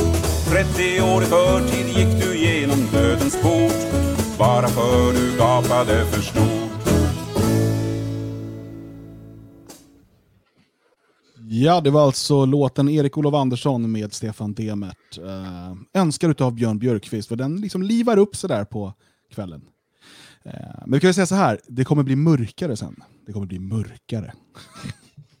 det ska bli mycket döden sen nämligen. Uh, men det är ni redo för. Innan dess så ska jag göra mig ovän med massor av um, presumtiva kollegor tänkte jag. Du, alltså jag tänker så här, nu, du har vi har en comeback. länge. Ja, men vi liksom, det är en ny premiär. Nu gäller det att, att eh, vara tydlig med att vi inte vill ha kompisar. Absolut, jag är helt, helt med. Jag står bakom dig. Det är bra. Vad jag än säger nu så kommer du stå bakom det. Ja, ja, ja för tusan. Det är, det är Bra. Då ska jag berätta varför Långt Kristus är bakom. en... jä- Nej. Jag är långt bakom dig. Jag puttar dig Ja. framåt över klippkanten. Ehm, nej, jag vill eh, tala om alternativa mediers roll eh, och alltså när det gäller hela den här coronapandemin, paniken, hysterin, vad man vill kalla det för. Och eh, framförallt, jag, jag, jag ser en oroande trend där jag tror att alternativmedia, som har en väldigt, väldigt viktig funktion i opinionsbildandet, eh, kan tappa eh, förtroende. Alltså där, där det, det, det här kan bli en hård smäll för alternativmedia.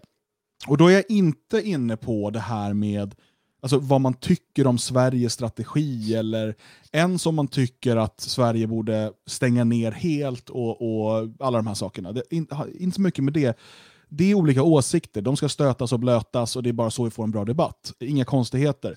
Eh, sen tycker jag att vissa har fel och vissa har rätt. Det, det är liksom en annan sak. Det finns en del intressanta saker med det som jag kanske kommer till sen. Men däremot, när alternativmedia eh, blir renodlade propagandister eh, och faktiskt ljuger, då har vi ett problem. Och jag har två exempel som jag tycker är problematiska.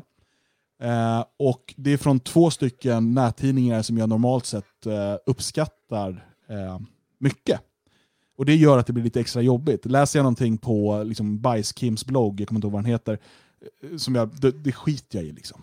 Eh, det gör tydligen han också, men det är en annan historia. Eh, alltså, men, däremot, när det är några som jag ofta använder för att dela till vänner och bekanta, eh, för att man tycker att de har skrivit bra saker när det gäller massinvandringen och så, då blir det problematiskt. För man kan köra sitt förtroende i, i sank. Och Det första exemplet kommer här, och det är ifrån Fria Tider. Um, rubriken är Coronadöden, bårhusen fulla, kropparna körs till Globen. Men inte säkert att Globen räcker. Då har vi problem. Även ishallar kan börja användas för att hantera massdöden efter coronasmittan. Och det här är då en plusartikel. Um, så exakt vad som står där inne kommer de allra flesta inte veta. Jag är inte emot plusartiklar, vi har det på Svegot också. Jag tycker att man får ta betalt för sitt arbete. Det är inga konstigheter. Men, och jag vet inte heller vad som står där. Eh, de som har följt mig vet att jag har haft problem med fria tider tidigare när, när det gäller min prenumeration. Men det är en annan diskussion. Eh, det är glömt, jag, jag lovar. Jag har förlåtit dem, typ. Um, men alltså, det står här. Bårhusen fulla, kropparna körs till Globen, men det är inte säkert att Globen räcker. Det är väldigt hårda påståenden. Jag började kolla upp källan till det här eh, och hittar då att det finns en artikel där man berättar, och det här var i samband med påsken, att man nu har öppnat eh, fri, kylrum eh, i Globenområdet för eh, att där då bevara kroppar. Och Anledningen till att man behöver göra det är dels att det har varit långhelg, och dels att det på grund av smittoläget genomförs eh, färre begravningar. Det tar längre tid att genomföra begravningar.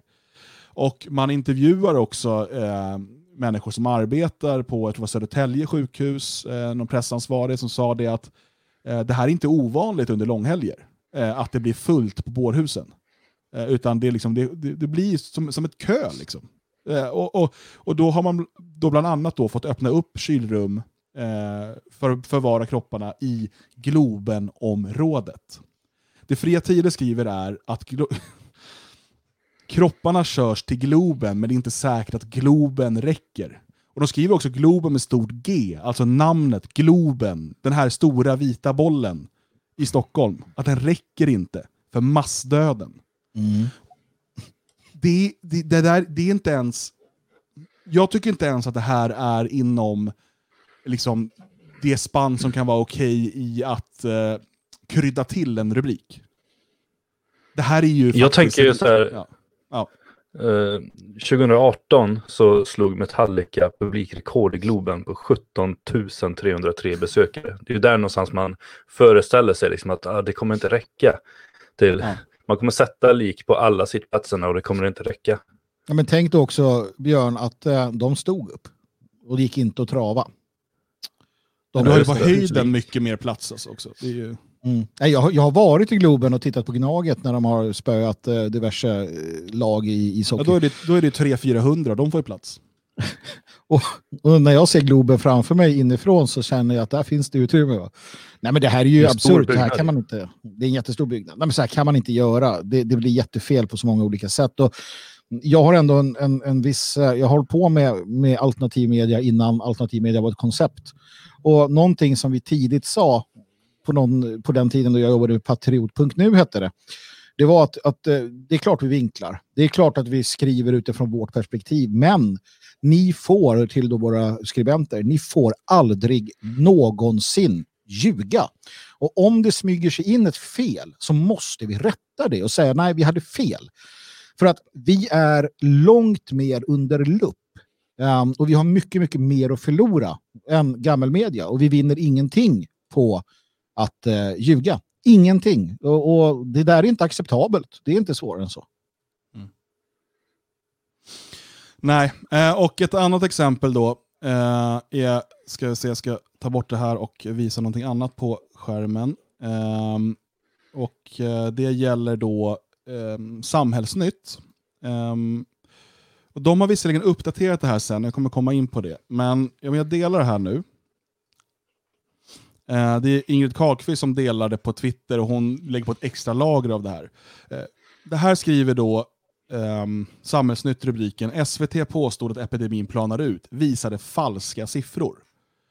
Ingrid skriver, fattar ni hur SVT ljuger för er? Eh, det man skriver sen i artikeln från Samhällsnytt är att eh, för att SVT visade då en, en eh, graf över döda per dag. Alltså vilken dag de har dött. Samhällsnytt skrev eh, en artikel och använde data från vilken dag det rapporterats. Då får du andra siffror, speciellt efter en långhelg. då rapporteras det jättemånga eh, när helgen är slut. Dagen, tisdagen efter påsk rapporteras det jättemånga till exempel för att det har varit långhelg och efter helg. Och så. Det är så det ser ut och det ser ut så i alla länder som jag känner till, i alla fall om jag följer Tyskland, Storbritannien och USA. Helgerna så är det underrapporterat. Eh, och därför blir det fler rapporterade, men man säger ju också vilken dag det gäller. Och man kan liksom diskutera fram och tillbaka vilka siffror är relevanta och så vidare. Men när man påstår att det här är falska siffror, när man påstår att de ljuger, och SVT ljuger jätteofta. Det är, som, det är det här vi inte får ge till dem, att vi påstår sådana saker när, eh, i ett fall då de inte gör det. För det här är, det här är äpplen och päron.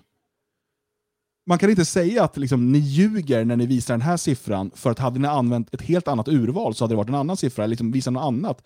Det, det, det, det, det är två olika saker. Eh, och Problemet med det jag säger här, det är ju det att vi i alternativ, den alternativa medien, eh, vi har så många chanser att tvåla dit SVT och andra för hur de ljuger. Eh, och därför är det farligt när vi eh, påstår det när det inte är sant. Och gör en stor grej av det. Och dessutom bara ångar på och vägrar säga att ah, okay, det var fel. Eh, det som Samhällsnytt gör sen, eh, och de, de gör ett halvt rätt kan man säga efteråt. Eh, de eh, ändrar rubriken eh, till SVT påstår att epidemin planar ut med hjälp av missvisande graf. Det är också en fråga, är det en missvisande graf? Man skriver längst ner sen eh, att artikeln har uppdaterats. Mm. Eh, jag vet inte hur långt det tog innan man uppdaterade den och så vidare. Man visar ju bara på olika saker. Jag, jag, tycker att det här är problematiskt. Jag tycker att alternativmedia är så pass viktigt att vi får inte gå bort oss på det här sättet. Utan vi måste vara eh, så sanningsenliga vi bara kan. Vi kommer aldrig påstå att vi är objektiva. Det är inte vår plats. Men vi måste vara sanningsenliga. Det är en helt, en helt eh, annan femma. Mm. Jag vet inte vart jag ska börja riktigt, men eh, det är sant. Det är klart att vi ska vara sanningsenliga. Och jag tror att det vi befinner oss i nu är um, ett, lite av ett, ett brytningsläge uh, där vi får se vilka som kan behålla fattningen.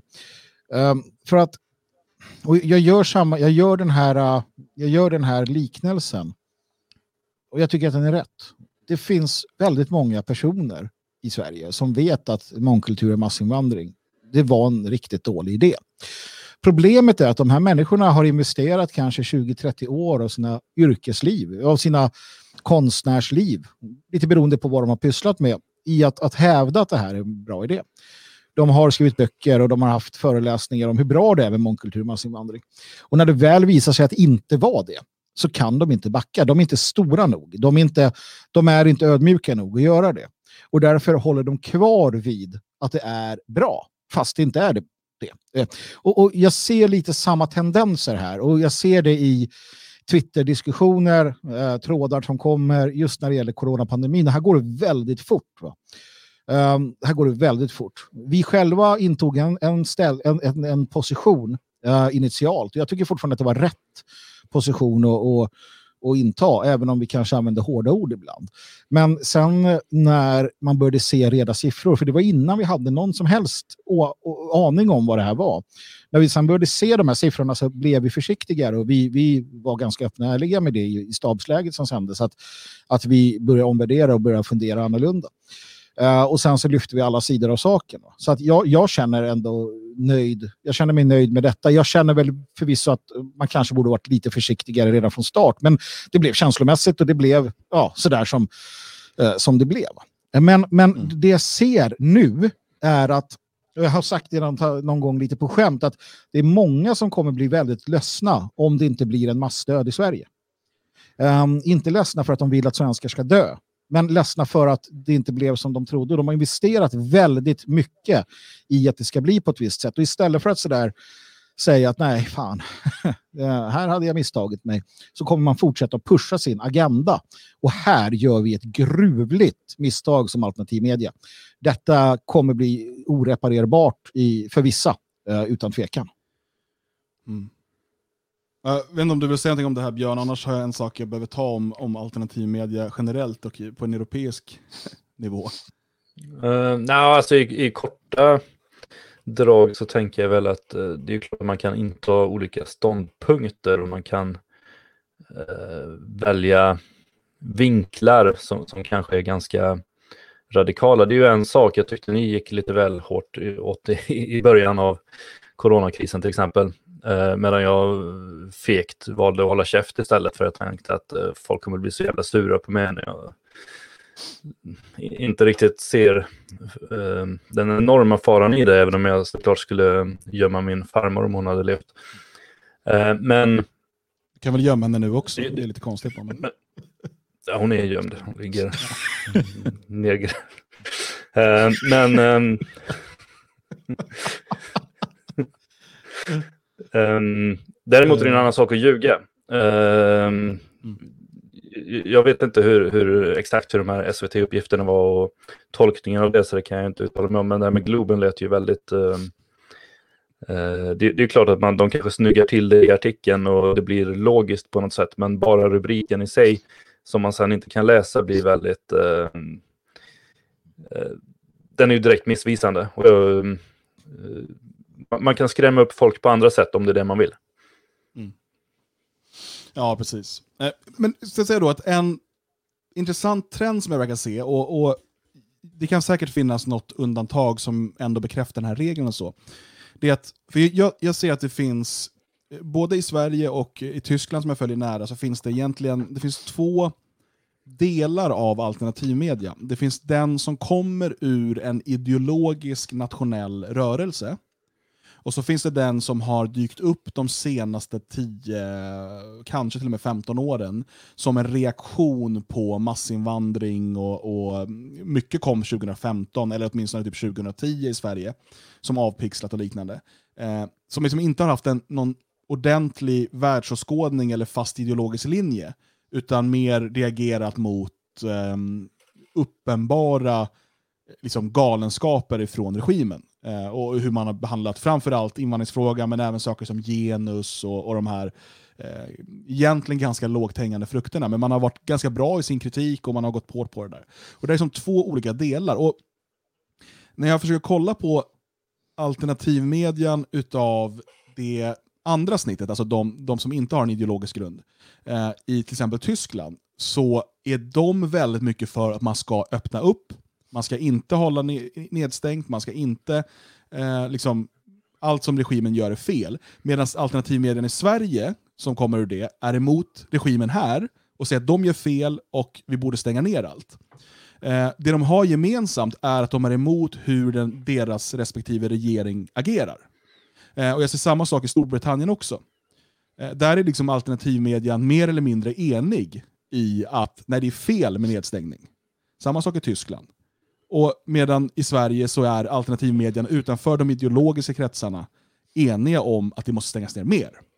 Det är som att man fortsätter bara instinktivt reagera mot regimen, att allt den gör är fel. Vilket kan vara en ganska sund inställning ofta, för det är oftast rätt. ja, alltså det, det, är ju en väldigt sund inställning i grund och botten egentligen. Det, det är ju mm. klart att man ska vara misstänksam mot vad Stefan Löfven hittar på. Och sen hur de skötte det från början, eh, alltså man talar om att uh, det, det, kommer inte finnas någon smitta i Sverige. Och, mm. uh, alltså direkta lögner, det är klart de visste att det kommer det bli, framförallt när de släpper in plan efter plan från både Italien och Kina. Så det är klart att man visste om att det kommer spridas, och man ville det antagligen. Mm. Um, men att gå fram med lögner um, gör ju att man, det tappar trovärdighet. Och det är det som är dilemmat här också, ju, att alternativmedia ska ju inte göra likadant fast ur sin synvinkel. Mm. Uh, därför att den som går ut med massa lögner tappar trovärdighet och det är det, det, är det problemet uh, regeringen och de sakkunniga just nu håller på att brottas med. Att många tror inte på dem alls därför att de har ljugit. Mm. Men en annan, en annan aspekt av det här, det är ju, jag tror också hur mycket man jag vet inte hur det ser ut på, på andra redaktioner helt enkelt. Men, men jag vet att här hos oss på Svegot så har vi en väldigt levande eh, diskussion hela tiden. um, mellan oss och varandra. Och, och, jag vet att jag var tidig och gick ut och sa att det är klart vi ska stänga ner allting. Mm. Det kostar vad det kostar vill. Och inte nog med det, jag tänkte att det är väl lika bra då. Låt det krascha allting. Mm. Uh, låt samhällsekonomin krascha. Jag vill inte att jag vill inte att, att eh, systemet, det har ju varit vår, vårt, vår förhoppning som nationalister i alla tider att, att det ska komma en krasch. Eh, sen pratade vi om det här och, och pratade med andra internationellt, läste vad, vad andra funderade över och, och vid något tillfälle så, så började man sådär tänka att men vänta nu, vilka är det som blir lidande i detta? Jo, det, det vi ser är att det är den, den breda medelklassen, Eh, de som jag har någonstans utnämnt som åtminstone aspiranter till Odalfolket. Det är småföretagare och liknande. Inte nog med det så kan man då se från, från andra länder hur just den delen av befolkningen eh, blir lidande eh, när de just hamnar i de här karantänerna. Eh, och från Italien och, och, från andra länder. Och vad det gör med, med människorna över tid om det här bara fortsätter. Och ju sen också den här maktförskjutningen som sker och så. Och där någonstans så, så måste man bara börja fundera, stöta och blöta, samtala. Uh, så att det gjorde ju vi och det är jag väldigt glad över. Sen måste jag sitta här inför alla människor och säga att nej, men jag tänkte för snabbt. Eh, jag kom till förhastade slutsatser. Men, men det har jag inga problem med, för att jag är inte intresserad av att, att ha någon bild av mig själv som, som att jag alltid vet rätt i alla fall. Men däremot så, så är jag intresserad av att man har en, en levande diskussion som gör att vi kommer framåt i, i uh, vårat, vårt tänkande. Det är det allting handlar om. Mm. Uh, och, och, det tycker jag att vi har gjort på ett, ett utomordentligt bra sätt och det gläder mig verkligen. För att det gör att vi, uh, att vi, att vi får en, en mer balanserad och kan leverera en, en mer balanserad syn. Och det här ska göras i offentligheten. Det har vi sagt från start när vi höll på med motgift och när vi höll på med allt vi har gjort. Vi ska från start liksom göra det här inför öppen ridå. Låt alla vara med när vi samtalar. För att då kommer vi framåt tillsammans. Men jag bara fortsätter då med en tanke det här om, om de två olika alternativmedierna, eh, strömningen inom alternativmedia. Så vad jag har kunnat se så är det dessutom så att den mer ideologiskt grundade alternativmedien, i Sverige har vi egentligen bara Svegot och Nordfront skulle jag säga. Eh, förlåt om jag missar någon nu, men jag tror det. Resten är sådana som har kommit senare som reaktioner. Eh, och när jag tittar på i Tyskland, på de som kommer ur liksom, den gamla nationella rörelsen, så har man haft ett helt annat förhållningssätt till det här. Eh, och man har, man har haft en, en ideologisk inställning i att, men det här, alltså att vi måste försvara våra friheter eh, och våra möjligheter som individer, som familjer och som folk mot staten. Eh, Medan det här verkar helt ha fallit bort eh, eh, hos den svenska alternativmedien som, om vi ska kalla den mer reaktionär eller så. Eh, och, och det känns som att man eh, både i, i, Sverige och i andra länder mer reagerar på att vara mot eh, det, de, det som genomförs av respektive regim. Eh, Medan den ideologiskt grundade alternativmedian mera eh, utgår ifrån vad har vi för ideologiska ståndpunkter och hur ser vi på det här. Det är i alla fall mm. den uppfattning jag har fått. Jag tror att den är helt korrekt av, av flera skäl. Det är också det att när man sansar sig och går tillbaka till den fastslagna grunden som är den, den nationella idén, då, då får du en helt annan syn på saker och ting också. Vi har pratat om det här i, i eh, våra extrainsatta avsnitt om, som heter stabsläge. Eh, just det här med offer och ehm, nationen och folket framför individen och sådana här saker. Och det är ju sånt som kommer ur, ur, ur den nationella idén. Och har du det så, så får du också en, en ytterligare dimension att lägga till detta. Och man kanske funderar hur hade en nationell regering gjort? Hur hade vi gjort om vi hade eh, haft statsmakten? Um, och vi gjorde jämförelser med krig till exempel. Hur agerar man i ett krig och så? Och då, med, med det i, i eftertanken så blir också uh, reaktionerna på det som händer um, väldigt, det blir undligt på något sätt. När man, när man sätter sig tillbaka och funderar lite grann. Och det är mycket intressant. Det är mycket intressant. Dels att se hur man själv berörs uh, initialt Eh, och, och, hur man, om man tillåter sig också, kan faktiskt börja hitta, en, en uh, hitta något att manövrera efter. Och där är det väldigt skönt att veta att man har en, en ideologisk grund att stå på. För den, den, den, den håller kursen alltså, när man tillåter den att göra det. Mm. Ja, eh, jag hoppas i alla fall att eh, vi på något sätt eh, når ut till folk att, att åtminstone om inte annat fundera kring de här frågorna och eh, med en förhoppning om att vi åtminstone, vi kan tycka olika, det är liksom inget problem, men åtminstone håller oss till sanningen. Det tycker jag är, är grundläggande. Vi ska gå vidare i coronadiskussionen om en stund, Magnus. Eh, du ska nämligen tala om döden. Ja, men det tänkte jag göra. va. Och eh, Du pratade lite grann om att det var lite mer mörker och dysterhet som kommer. Men eh, du har helt fel. Och återigen, med, med, med, med eh, fötterna begravda, no pun intended, uh, i en, en korrekt livsinställning så är det faktiskt inte så mycket att tjata om. Vad skönt att höra. Vi är tillbaka efter den här musiken och lilla introduktionen.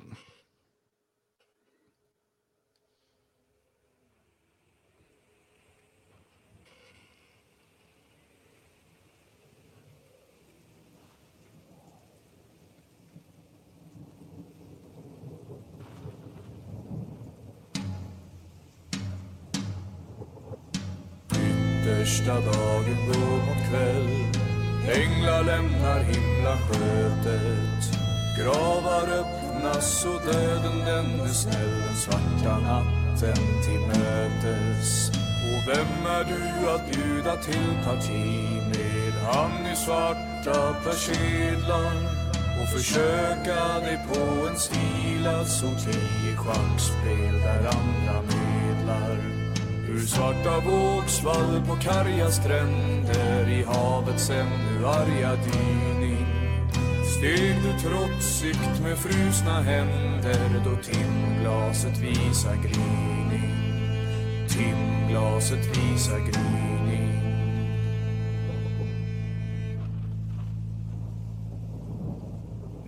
Nog minns jag strupens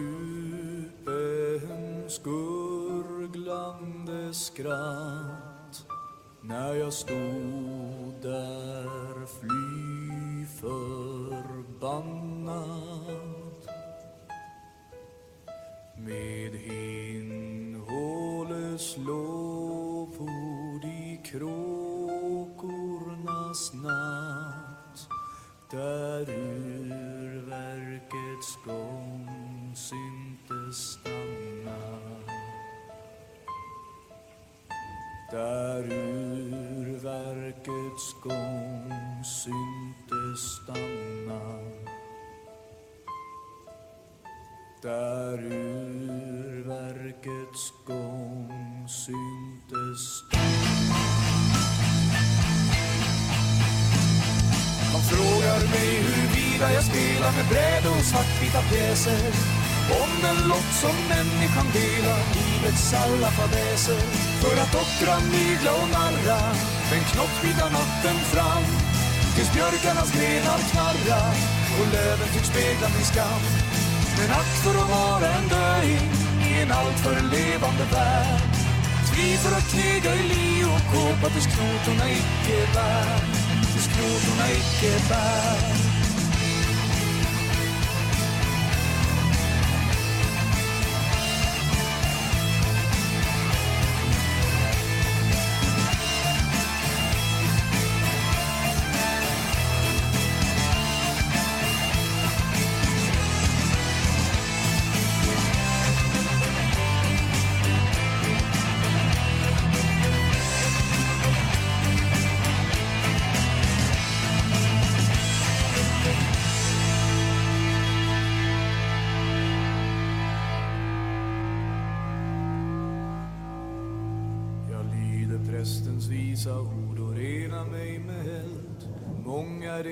Fallit för dess flamma Men han säger det är bättre att dö renad än att leva för helvetets låga densamma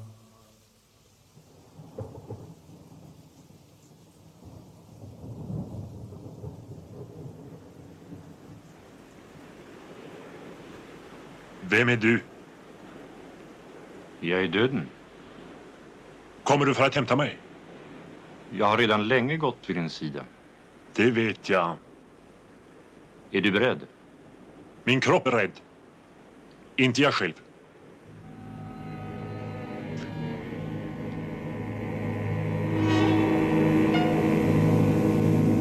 Vänta ett ögonblick.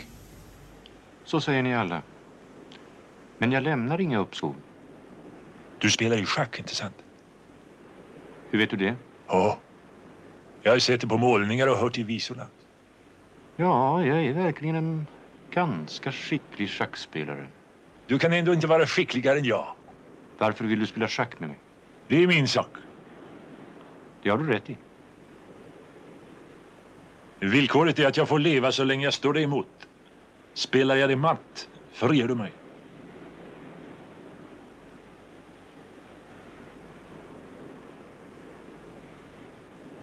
Du fick svart. Det passar ju bäst så. Inte sant?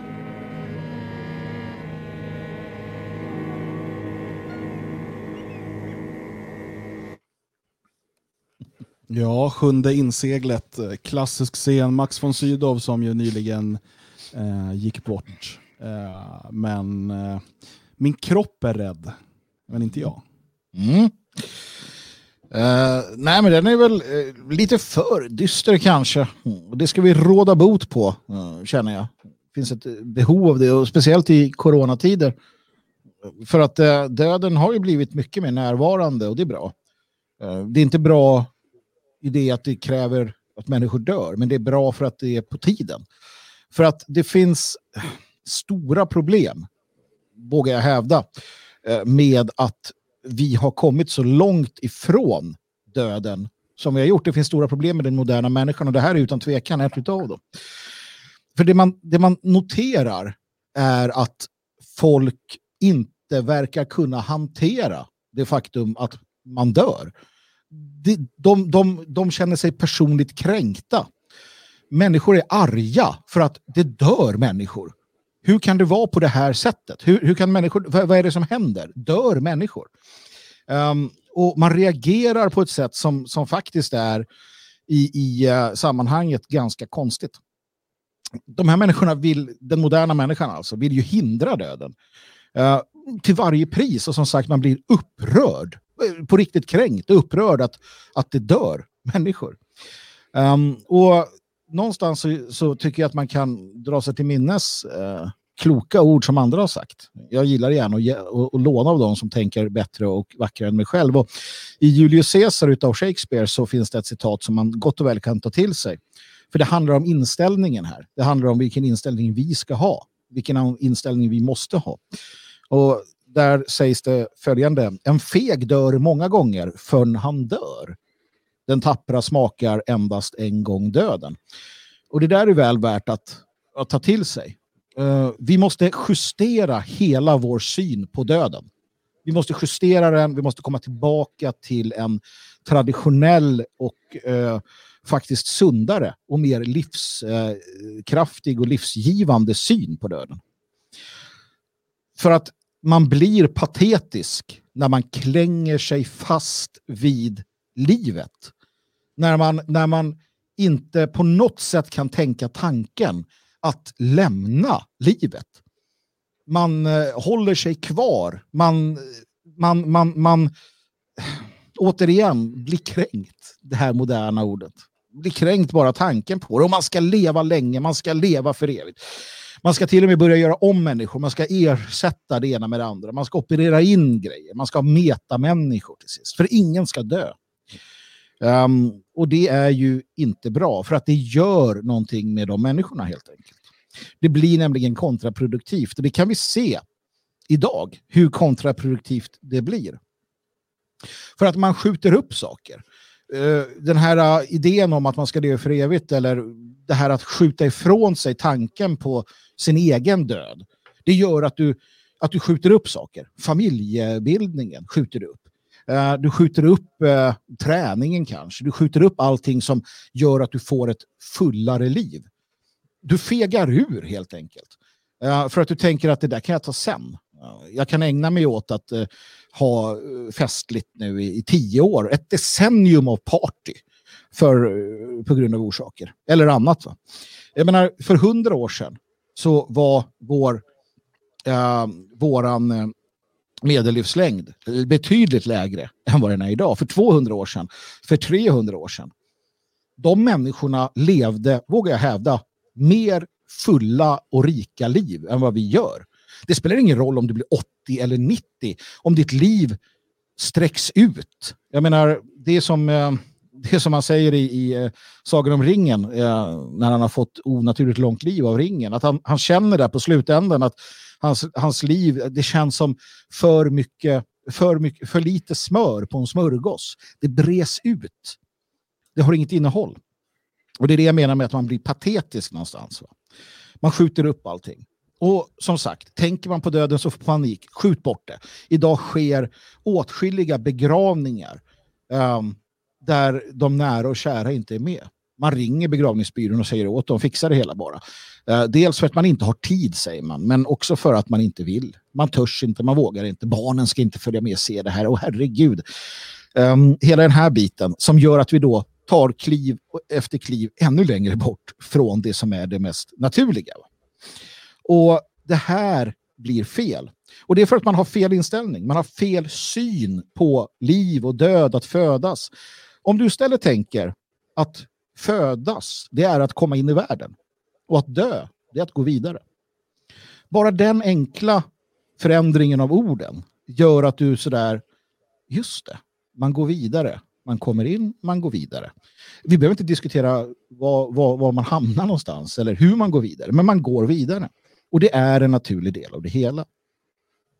Och det viktiga är ju inte, när man förstår detta, så är det viktiga inte att leva ett långt liv. Att leva ett långt liv är helt oväsentligt. Fullständigt oväsentligt. Och det, det är det som Nietzsche bland annat tar upp i Så talade Zarathustra. När, när, han, när han pratar om att man ska dö i rätt tid. Inte när man är gammal, inte när man är ung, men vid rätt tidpunkt i ditt liv, då ska du dö. För att någonstans så är det så att din död, när den hamnar rätt, fullkomnar ditt liv. Och förstår du det, då kan du möta livet på ett helt annat sätt. Och man måste ju också förstå, och det är det här som blir det problematiska idag, att livet är fullständigt värdelöst om du inte dör. Då, då tappar det all mening. Precis som att eh, morgonen tappar all mening om du inte har en kväll. Att natten tappar all mening om du inte har någon dag. Att ont eh, tappar all mening om du inte har något gott. Du behöver detta. Du behöver döden för att kunna leva. Allt annat är vansinne. Och det är det här som man måste ta till sig. Det är det här man måste förstå. Och sen vet vi inte vad som kommer efter. Så enkelt är det. Det finns efter livet myter. Det finns reinkarnation och Valhall, det finns det kristna paradiset. Eh, eller den kristna återuppståndelsen, lite beroende på vad du tror på där. Men alla de här också, och det är det här som är viktigt att ta till sig, och det är det här som den moderna människan förlorar, för att de inte har någon andlighet kvar. Det är att allting kräver något av dig. Valhall kräver av dig. Reinkarnationen är beroende av vad du har gjort, karma. Och den kristna, eh, det kristna paradiset eller återuppståndelsen kräver också någonting av dig. Det här är någonting som vårt folk har varit fullkomligt medvetet om under all tid fram tills nu. Att det krävs någonting av dig medan du lever. Mm. Och Det är det här som, som kan förändra dig och prägla dig på rätt sätt. Speciellt i denna tid. Uh, och i alla typer av kristider eller när det händer sådana här saker. För tro mig, det kommer hända igen. Uh, det kommer bli värre. Vi hade en, en tid uh, under digerdöden då var tredje människa dog. Var tredje människa dog. Tänk dig själv i din vänskapskrets. Var tredje person dör. Den moderna människan hade inte klarat av det. Den moderna människan hade gått under i den typen av kris. För att man har en, en fullständigt absurd syn på livet, där livet är någon form av rättighet. Eller livet är någonting som du ska ha för all evighet. Där du tänker dig att, att, eh, att du ska hänga kvar, hur gammal du än blir. Och du ska ha all hjälp för att hänga kvar och hänga kvar och hänga kvar. För att du har inte en heroisk syn uh, på detta. För den heroiska människans inställning till döden och det är också en syn som gör att du får ett övertag gentemot alla andra det är ju att det inte är längden på livet utan innehållet Det är vad du gör med det här livet. Det är det som räknas. Och jag tycker att den som sammanfattar det här nästan bäst, bäst eh, det är, för att återigen låna av en, en större tänkare än mig själv, William Butler Yates, um, ehm, som skrev um, följande. Att söka Gud för tidigt är lika syndigt som att söka honom för sent. Vi människor måste älska, vi måste uttömma våra ambitioner, vårt intellekt och våra önskningar. Om inte så kommer vi att möta Gud med tomma händer. Alltså, man ska inte söka Gud för tidigt. Man ska inte, man ska inte leka med sitt liv. Man ska inte, man ska inte vara vårdslös med det. Man ska heller inte hålla fast vid det vid varje, för, med, med varje möjlighet som finns. Utan man ska hoppas på att när det är rätt tid, ja men då får du gå vidare. Då kommer du, du vidare. I eh, en, en eh, fin liten bok som heter Vem döden? skriven av Wolf Sörensen, eh, som också skrev eh, Förfädernas röster, så, så kallar han döden, han försöker också där, och det här är början på 1900-talet, försöker få människor att förstå vad det här handlar om. Och då kallar han döden för omdanaren. Eh, och han skriver väldigt vackert att från att du föds så har du en ständig färdkamrat. Och den här färdkamraten är döden. Han kallar honom vän döden. Det är inget mörkt. Det är inget, inget hemskt. Det är det som gör att ditt liv är värt någonting. Och att du måste hitta vad du ska fylla det med. Och där finns plikten som Vitalis Nordström talar om. Plikten definierar dig som människa och ger dig ett människovärde. Så att omdanaren står redo. Han står redo att dana om dig när den tiden kommer. Och det vi kan hoppas på det är att, att det sker vid rätt tid. Och det gör det om du lever ditt liv enligt principerna, enligt traditionen, enligt ja, allting du har eh, egentligen skrivet i dig, om jag ska använda en kristen terminologi. Han har skrivit sin lag i våra hjärtan. Gör du det så behöver du inte oroa dig och framförallt bli inte, var inte en av de patetiska eh, själarna som försöker klänga kvar vid livet med allt vad det eh, innebär. Utan se det som för vad det är. En omdanare, en, en väg framåt eh, och låt ditt liv präglas av det. Och med de orden så lämnar jag vidare till mina kära kollegor att eh, tillsammans med mig stöta och blöta denna tanke. Vill du börja Björn? Uh, ja, jag känner mig lika förberedd på det som på andra ämnen. Så varför inte?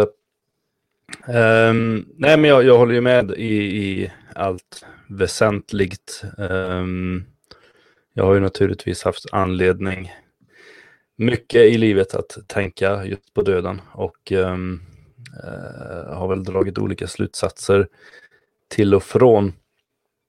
Um, men någonting som jag ändå alltid har, har stått fast vid det är ju just att den moderna människan, eller i alla fall den moderna svensken, har en väldigt konstig syn på döden. Alltså att, att vi försöker att, att inte låtsas om döden alls. Vi har, eh, när vi var inne på Nietzsche förut så eh, diskuterar han det här, eh, Gud är död.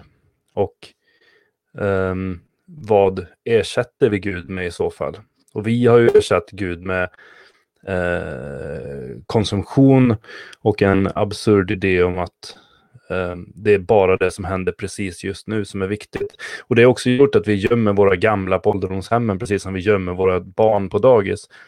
Vilket gör att vi, vi ser aldrig eh, kedjan. Vi ser aldrig att det liksom är en bana som börjar någonstans och slutar någonstans. Utan vi ska bara leva just nu, vi ska vara lyckliga just nu allt vi gör, hur vi än agerar, så är det för att vi ska vara lyckliga precis för stunden. Och det gör också att väldigt många blir kristna när de blir väldigt gamla och upptäcker att helvete, det här håller ju på att ta slut. Vad gör vi nu? Det finns ett slut, vad gör vi? Och så börjar de söka och många eh, söker sig just till kristendomen. Eh, antingen för att det är naturligt på något sätt eller för att det är en kulturell, det, det, det är det enda de kan hitta som handlar om döden. Det är klart de kan ju titta på Ronja Rövardotter också och titta på när Skalle-Per dör lite glatt och lurigt. Men, men förklarar aldrig någon mening om det vidare. Vilket ändå finns i Bibeln och vilket finns i alla religioner. Um, det vi människor idag gör så oerhört fel, det är att vi försöker att totalt glömma bort um, att det har ett slut. Uh, jag har försökt själv att inte agera på det sättet. Jag har um, jag, jag, vet själv när jag var, jag måste ha varit fem år när min farfar dog. Då kom ju kistan in till gården och den öppnades och vi fick ta ett farväl i eh, dalen, finrummet på gården.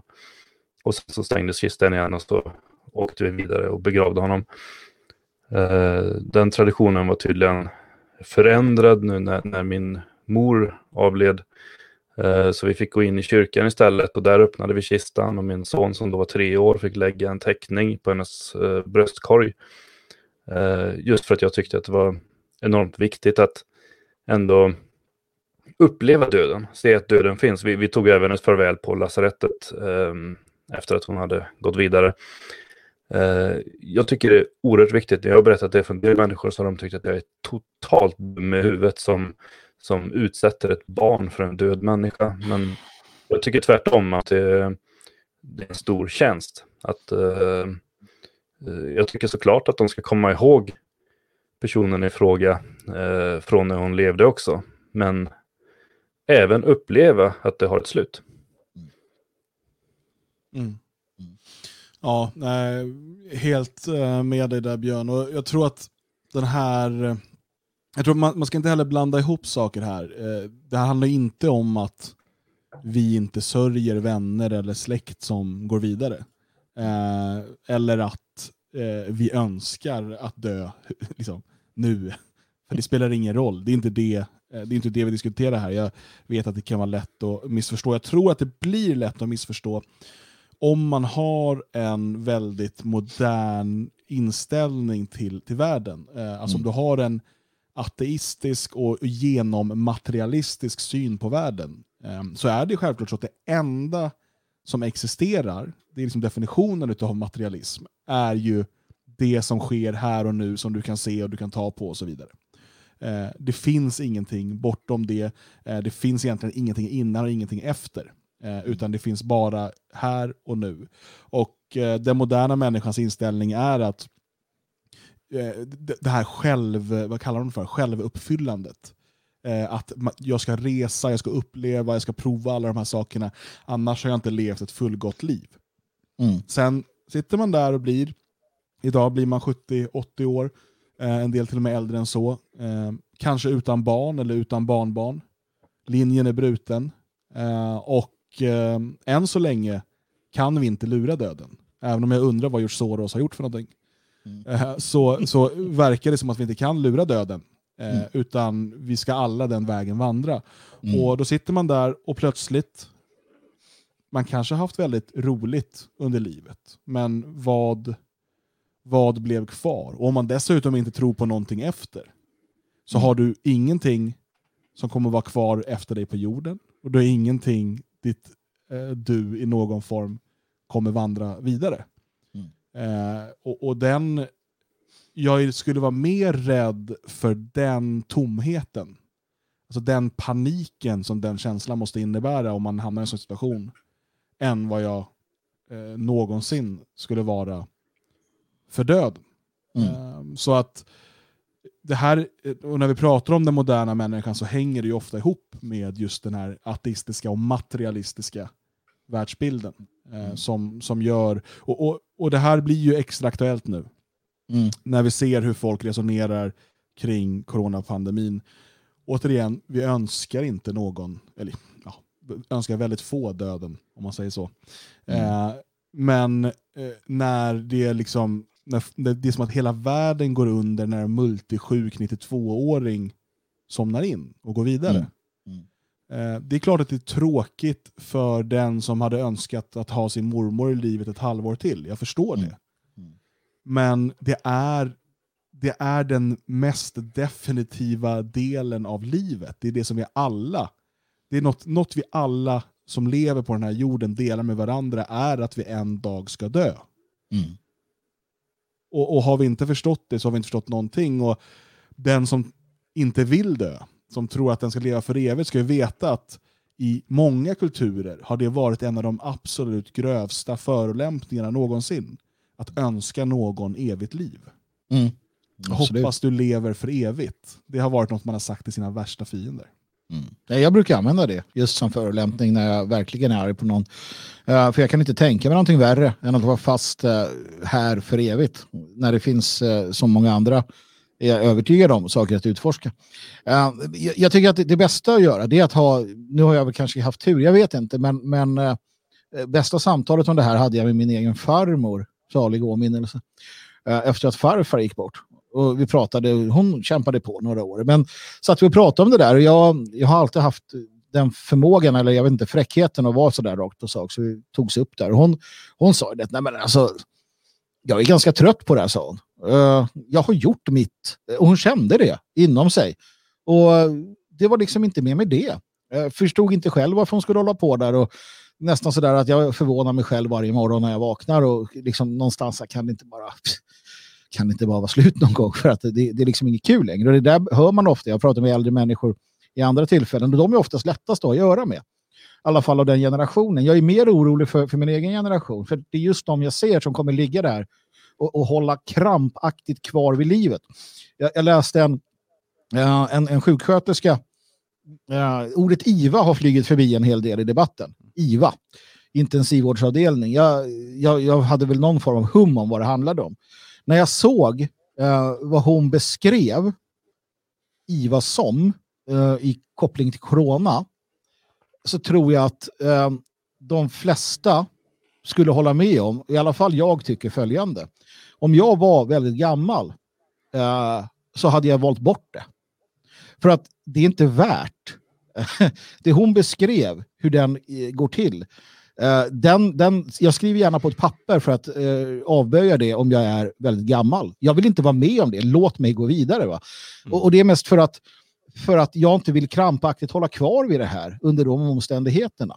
Och man får tycka vad man vill om det och vissa tycker säkert att jag är helt okänslig i det här. Men nej, jag, jag, jag står, står kvar vid det. För att någonstans så, så får det liksom vara nog för egen del i alla fall. Jag tänker aldrig tvinga någon annan och jag är helt för att man ska eh, livrädda och man ska hjälpa människor. Eh, framförallt de som, som själva ber om det av olika skäl. Det, det ska man inte bara eh, ägna sig åt någon form av Eh, aktiv dödshjälp på det sättet. Men jag själv betackar mig gärna för detta. Ehm, och, och, det är också med medvetenheten om att jag gör saker varje dag för att mitt liv är meningsfullt. För att jag vet att det kommer ett slut och när det slutet kommer så vill jag ha, uh, ha vill jag ha medvetenheten om att jag har gjort det, det jag liksom har kunnat och, och jag är rätt nöjd med det. Men, men att behöva dra ut på det hela Nej, och det där delar jag med den traditionella människans syn. Eh, utan tvekan, när du läser och förstår vår, vår rashistoria och de människor som har gått före Achilles eller andra, hur man, hur man såg på det. Och det gjorde också att det fanns en frihet i livet. Det fanns en frihet inför faror, det fanns en frihet inför, inför att, att, att uh, gå ut och, och, och, göra rätt och rädas inget som Eddan skriver. Och det som, som uh, Nietzsche menar att vi ska ta tillbaka. Och jag vill leva livet på det sättet och det är det jag tar med min son också. Vi, vi har väldigt, väldigt öppna samtal om det här. Um, och, och han, han förstår ju också det till sist att det är inte det är liksom det är vad vi gör här och nu som, som är det, det viktiga. Och det andra kommer som en, ja, jag, jag är beredd att gå så långt som Wolf Sörensson. Det är en vän det är en vän som omdanar oss när den tiden är inne. Ja, men vänta, uh, det, säga, framförallt är det något du inte kommer undan. Så du måste nej, nej, acceptera nej. det som en vän. Ja, ja, visst, visst. Och det är ju det också att jag, jag vissa sådär, jag tror på Gud. Nej, men jag litar på Gud. Uh, jag litar på, på världsalltet, jag litar på kosmos, jag litar på naturens uh, ordning. Och den har föreskrivit vissa saker. Och det är rätt. Och det är rätt. Och är det rätt, då måste vi bara acceptera och ta det till oss. Um, så att jag, jag, jag, menar inte att man ska fira och glädjas åt att människor dör. Uh, det menar jag definitivt inte. Men det sorgarbete som görs, det gör man ju för sin egen skull, för oss som är kvar här. Och det är viktigt nog. Va? Men, men låt oss bli heroiska människor som inte klänger kvar vid det ofrånkomliga utan tar det till oss som en vän snarare och fyller våra liv med mening Uh, som, som gör att vi liksom tryggt kan lämna över. Det, det, det tror jag är, ett, eh, det är en mycket bättre livsinställning om man kan, om man kan få till det på det sättet. Jo, och det är det som är viktigt också att um, man ska ju inte bara acceptera att jag kommer dö och så bara känna att ja, men då är det skitsamma. då lägger vi ner allting och väntar, utan man ska ju fylla den stunden man har med um, mm. uh, lämna efter någonting. Uh, men även uh, ha kul. Men, man, man ska ju inte ligga på dödsbädden och känna att fan vad gjorde jag i mitt liv? Så jag jobbade och tittade på Netflix. Utan uh, det, är ju klart man ska jobba med saker för att uh, försörja sig själv och sin familj. Men även göra någonting, försöka skapa någonting bestående. Och det bestående behöver ju inte vara att man bygger ett monument eller gör en revolution i ett helt land, utan det kan ju vara även att man skapar ett barn. Absolut. Um, Framförallt. Det är, ju enda, det, det, är ju enda sättet om man nu söker evigt liv. Det är ju att se till att generna går vidare generation efter generation. Mm.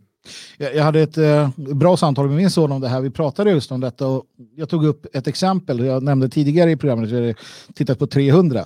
Och vi pratade väldigt mycket om, om eh, eh, Leonidas och spartanerna och så. Jag, jag förklarade ju det. Att, ja, men, eh, liksom, de lever för evigt. Hur kommer det sig att du får höra det av mig. Eh, eller Gustav Adolf den store. Och det är namn. Det är vissa som naturligtvis lever vidare någonstans för evigt som sina personer. Men vi pratar om karolinerna. Vi pratar om, om Leonidas och hans spartaner. Vi pratar om Achilles eh, och hans mannar. Vi pratar om eh, människor och vi pratar också om kvinnor. Vi pratar om, om eh, de myterna som finns hos oss. Så det finns en, en trösterik tanke som jag ofta brukar återkomma till och det är det att när vi pratar om dem då reser de sig upp från sina eh, eh sittplatser i Valhall eller himlen eller vart tusan man nu hamnar. Va? Lite beroende på vad du tror på. Och när vi pratar om dem, då finns de där hos oss. När vi pratar om karolinerna, när vi pratar om de svenska bönderna, odalmännen som har plöjt våra åkrar, då finns de där hos oss. Det är då de är hos oss. Vi kanske inte kan deras namn, det är Jönsson och Svensson och vad det nu kan vara. Men de lever ju där och då. Och det gör de för att de har förtjänat det genom hårt arbete, genom att vara lojala. Och vissa får liksom en, en vidare ära att leva för evigt som den person de är.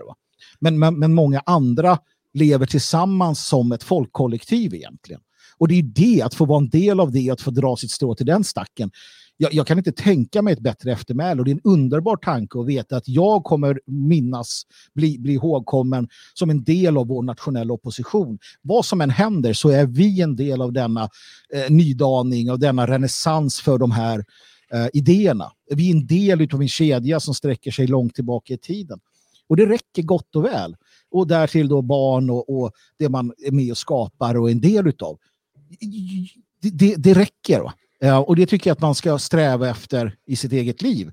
Att känna den, den eh, tryggheten och den glädjen. Och det, det, det, det, det befriar en på ett sätt som, som ehm, är ja, mm, fantastiskt. Mm. Ja, eh, stort ämne och eh, som eh, du hör så eh, blandar vi lite här i kväll med Svegot, filosofi, kultur, politik och så vidare. Eh, och det kommer vi fortsätta göra eh, massa måndagar framöver. Vi ska spela en låt nu som Magnus har valt. Eh, jag tror att det finns vissa kopplingar till det här temat. Eh, och sen är vi tillbaka och då ska vi prata lite om vad som händer i veckan eh, som kommer. Så häng kvar. Vad är det vi ska höra för någonting, eh, Magnus? Uh, det är just en låt om eh, uh, Leonidas. Så det kan vara lite sådär hård uh, musik. Um, det är, om jag inte missminner mig, ett tyskt sånt här band. Men de sjunger på engelska i alla fall. jag tycker den här är fin. framförallt innehållsmässigt. Så att, kör på.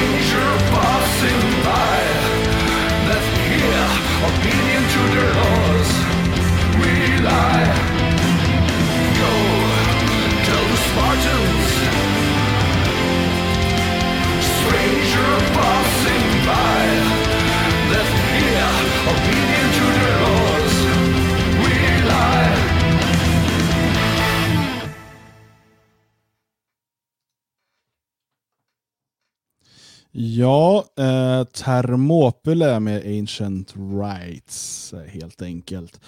Um, det blev ett långt program det här, Magnus.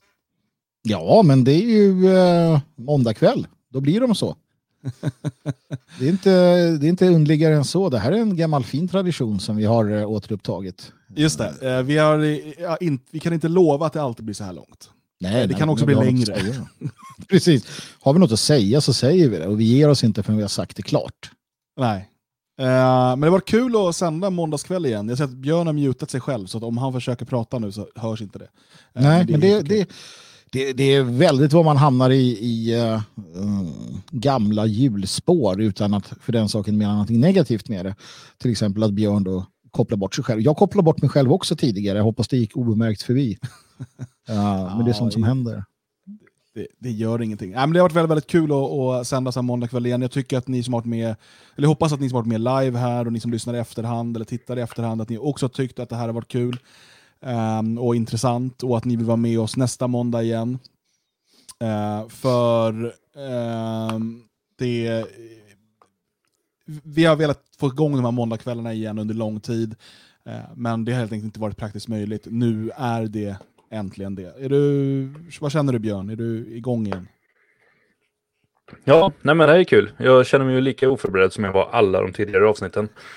Eh, tekniken har um, funkat lika bra som alltid. Eh, så att, eh, jo, nej men nu kör vi. Och sen så kan det nog bli bättre, tänker jag. Eh, jag ska få saker att funka och kunna förbereda lite mer. Så blir ju det här helt fantastiskt.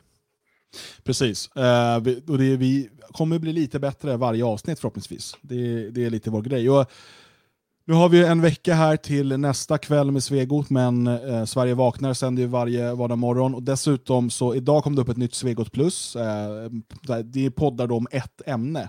Eh, och det här var då om attacker mot Europa genom historien. Och om några dagar kommer det upp en ny pluspodd med Magnus och eh, Ludvig Delin som handlar, vad handlar den om Magnus? Men den, den handlar om lite funderingar och visioner med utgångspunkt ur eh, en eh, text i en bok som jag har skrivit som heter Nationalism för 2000-talet. Om eh, hur man skulle kunna organisera försvaret i det fria Sverige, alltså i den här visionära idén om ett, ett framtida Sverige där AB Sverige helt enkelt har avvecklat sig själv. Men också kring det här med försvar av det man tror på, det man tycker är vettigt. Och vi återkopplar naturligtvis till Odalfolket och till mannaförbunden och sånt där som ligger mig varmt om hjärtat. Behovet av att organisera lokalt, att det är därifrån allting springer. Mm. Så det, det, är på gång. Så det kommer här i veckan eh, och generellt sett så kommer det eh, komma eh, Svegot Plus-poddar mycket tätare än vad det gjort den senaste eh, månaden. Mm. Eh, Jalle Horn har tagit över huvudansvaret för det. Eh, som jag sa här i början av sändningen, vi har nu haft möjlighet att, att delegera och liksom strukturera upp arbetet på ett helt annat sätt. Mm. Och eh, för dig som gillar poddar och dig som vill ha matnyttiga saker så, så kommer det märkas här här framöver. Vi ska inte glömma att eh, det kommer ett nytt avsnitt av Passningen i veckan, Sveriges enda politiskt inkorrekta eh, sportpodd. Eh, och eh, allt här finns på svegot.se. Det bästa sättet att stödja arbetet med Svegot, förutom att vara medlem i föreningen Det Fria Sverige som äger Svegot, eh, är att teckna en prenumeration på Svegot Plus. Då får man också tillgång till allt material. svegot.se plus. Eh, och där kan man testa sju dagar helt gratis, ingen bindningstid eller något sånt där. Man kan också lämna en donation eh, på detfriasverige.se donera. Eller så kan man swisha till numret som har synts i rutan här hela tiden, 123 510 5762. Eh, och eh, skriv gärna donation eller gåva eller liknande då, så att det kommer rätt i bokföringen. Annars den här veckan, Magnus, så mm. kommer det vara mycket jobb inför årsmötet. Det kommer det vara, absolut. Som ju hålls den 2 maj, snart öppna registreringar dit. Eh, och eh, sen så kommer ett nytt nummer snart av Nationalisten. Här är de Precis. två nummer som har kommit hittills. Eh, och vi kan ju nu då avslöja att Björn kommer börja skriva för Nationalisten. Eller hur Björn? Ja, jag är lika häpen som alla andra. det är bra med direktsändningar när man berättar sånt här. Eh, och till nästa nummer eh, har vi dessutom möjlighet att presentera en ny skribent i Nationalisten. Eh, och han är välkänd för de flesta. Joakim Andersén, eller känd som. Eh, som kommer skriva exklusiva texter för Nationalisten. Mm. Nästa nummer kommer ut 4 maj. Det är det, mm. 4 maj. Mm. Eh, så in och teckna prenumeration nu så är du med från det numret på nationalisten.se. Du kan också beställa de här två redan utgivna numren som lösnummer på Det Fria Sveriges butik, butik.detfriasverige.se. Är det något mer om den kommande veckan Magnus, eller kan vi eh, stänga ner den här eh, sändningen och börja efterarbetet? När du säger det på det sättet så ger ju du mig fria händer att fortsätta, vilket jag då gör naturligtvis. Och Eh, Eh, vi är ehm, i fullt arbete också med att ge ut, eh, distribuera, skicka iväg och ordna eh, med Svensk Strävan, alltså medlemsbladet för er som är medlemmar i Fria Sverige, kommer komma ut ehm, här i, under veckan också. Och ehm, ta den till er och läs igenom den. Det finns mycket intressant där att hämta. Vi befinner oss fortfarande i, form, i någon form av, inte lockdown, Eh, men vi eh, tar ju det här med eh, virusspridning på allvar. Vi vill inte vara delaktiga och smitta ner våra medlemmar så att det är fortfarande så att vi inte har ehm, den här typen av evenemang som vi har haft under, under tidigare tid utan det, det ligger på vänt helt enkelt. Samma sak med Svenskarnas hus. Det är lite öde och tomt och trist just nu men så sakteliga så kan vi ju börja lätta upp på detta också utefter de det bondförnuft som egentligen borde prägla oss alla i den här tiden. Uh, och det ser jag också fram emot. För att uh, det är ju tråkigt. Men å andra sidan, jag menar, vi, vi hänger ihop och vi, hänger i, vi, vi håller ut tillsammans. Det är klart vi gör det för att uh, kan, vi, kan vi spara liv så, så tycker jag att det är en fortsatt bra idé. Mm. Har du någonting att se fram emot här i veckan, Björn? Kommer det YouTube-videos? Vi, vi väntar på nya videos. Ja, jo, nej, men jag tror att det kommer. Jag eh, skulle ha gjort den igår tänkte jag. Och sen så gjorde jag inte det. Det är det bra med ehm, eh, att vara egen youtuber. Att man kan eh, släppa lite när man vill. Och, eller ja, när, när man har tid. Eh, jag skulle egentligen vilja göra det hela tiden. Men ehm, eh, det är väl en och en halv vecka sedan förra. Så det borde komma en ny snart igen. Enligt schemat minst en i veckan. Eh, så i dagarna, håll utkik. Björn Björkqvist på YouTube. Fantastisk kanal. Mm, helt otrolig och där eh, har du ju bild också. Ja, det, Ja. Eh, och vi ska nu här beställa nytt internet till Björn, så att förhoppningsvis kan du ha bild i kväll med Svegot nästa måndag också, om inte annat om två veckor åtminstone. Det är, Postnord är inte kanske de snabbaste alltid att leverera saker, men vi får hoppas att, att det fungerar. Jag vill bara säga då stort tack eh, till alla er som var med och förgyllde chatten. Tack till dig som lyssnar och tack till dig som gör det här möjligt. Kväll med Svegot är tillbaka nästa måndag 20.00 samma tid, samma kanal och så vidare. Tack för ikväll.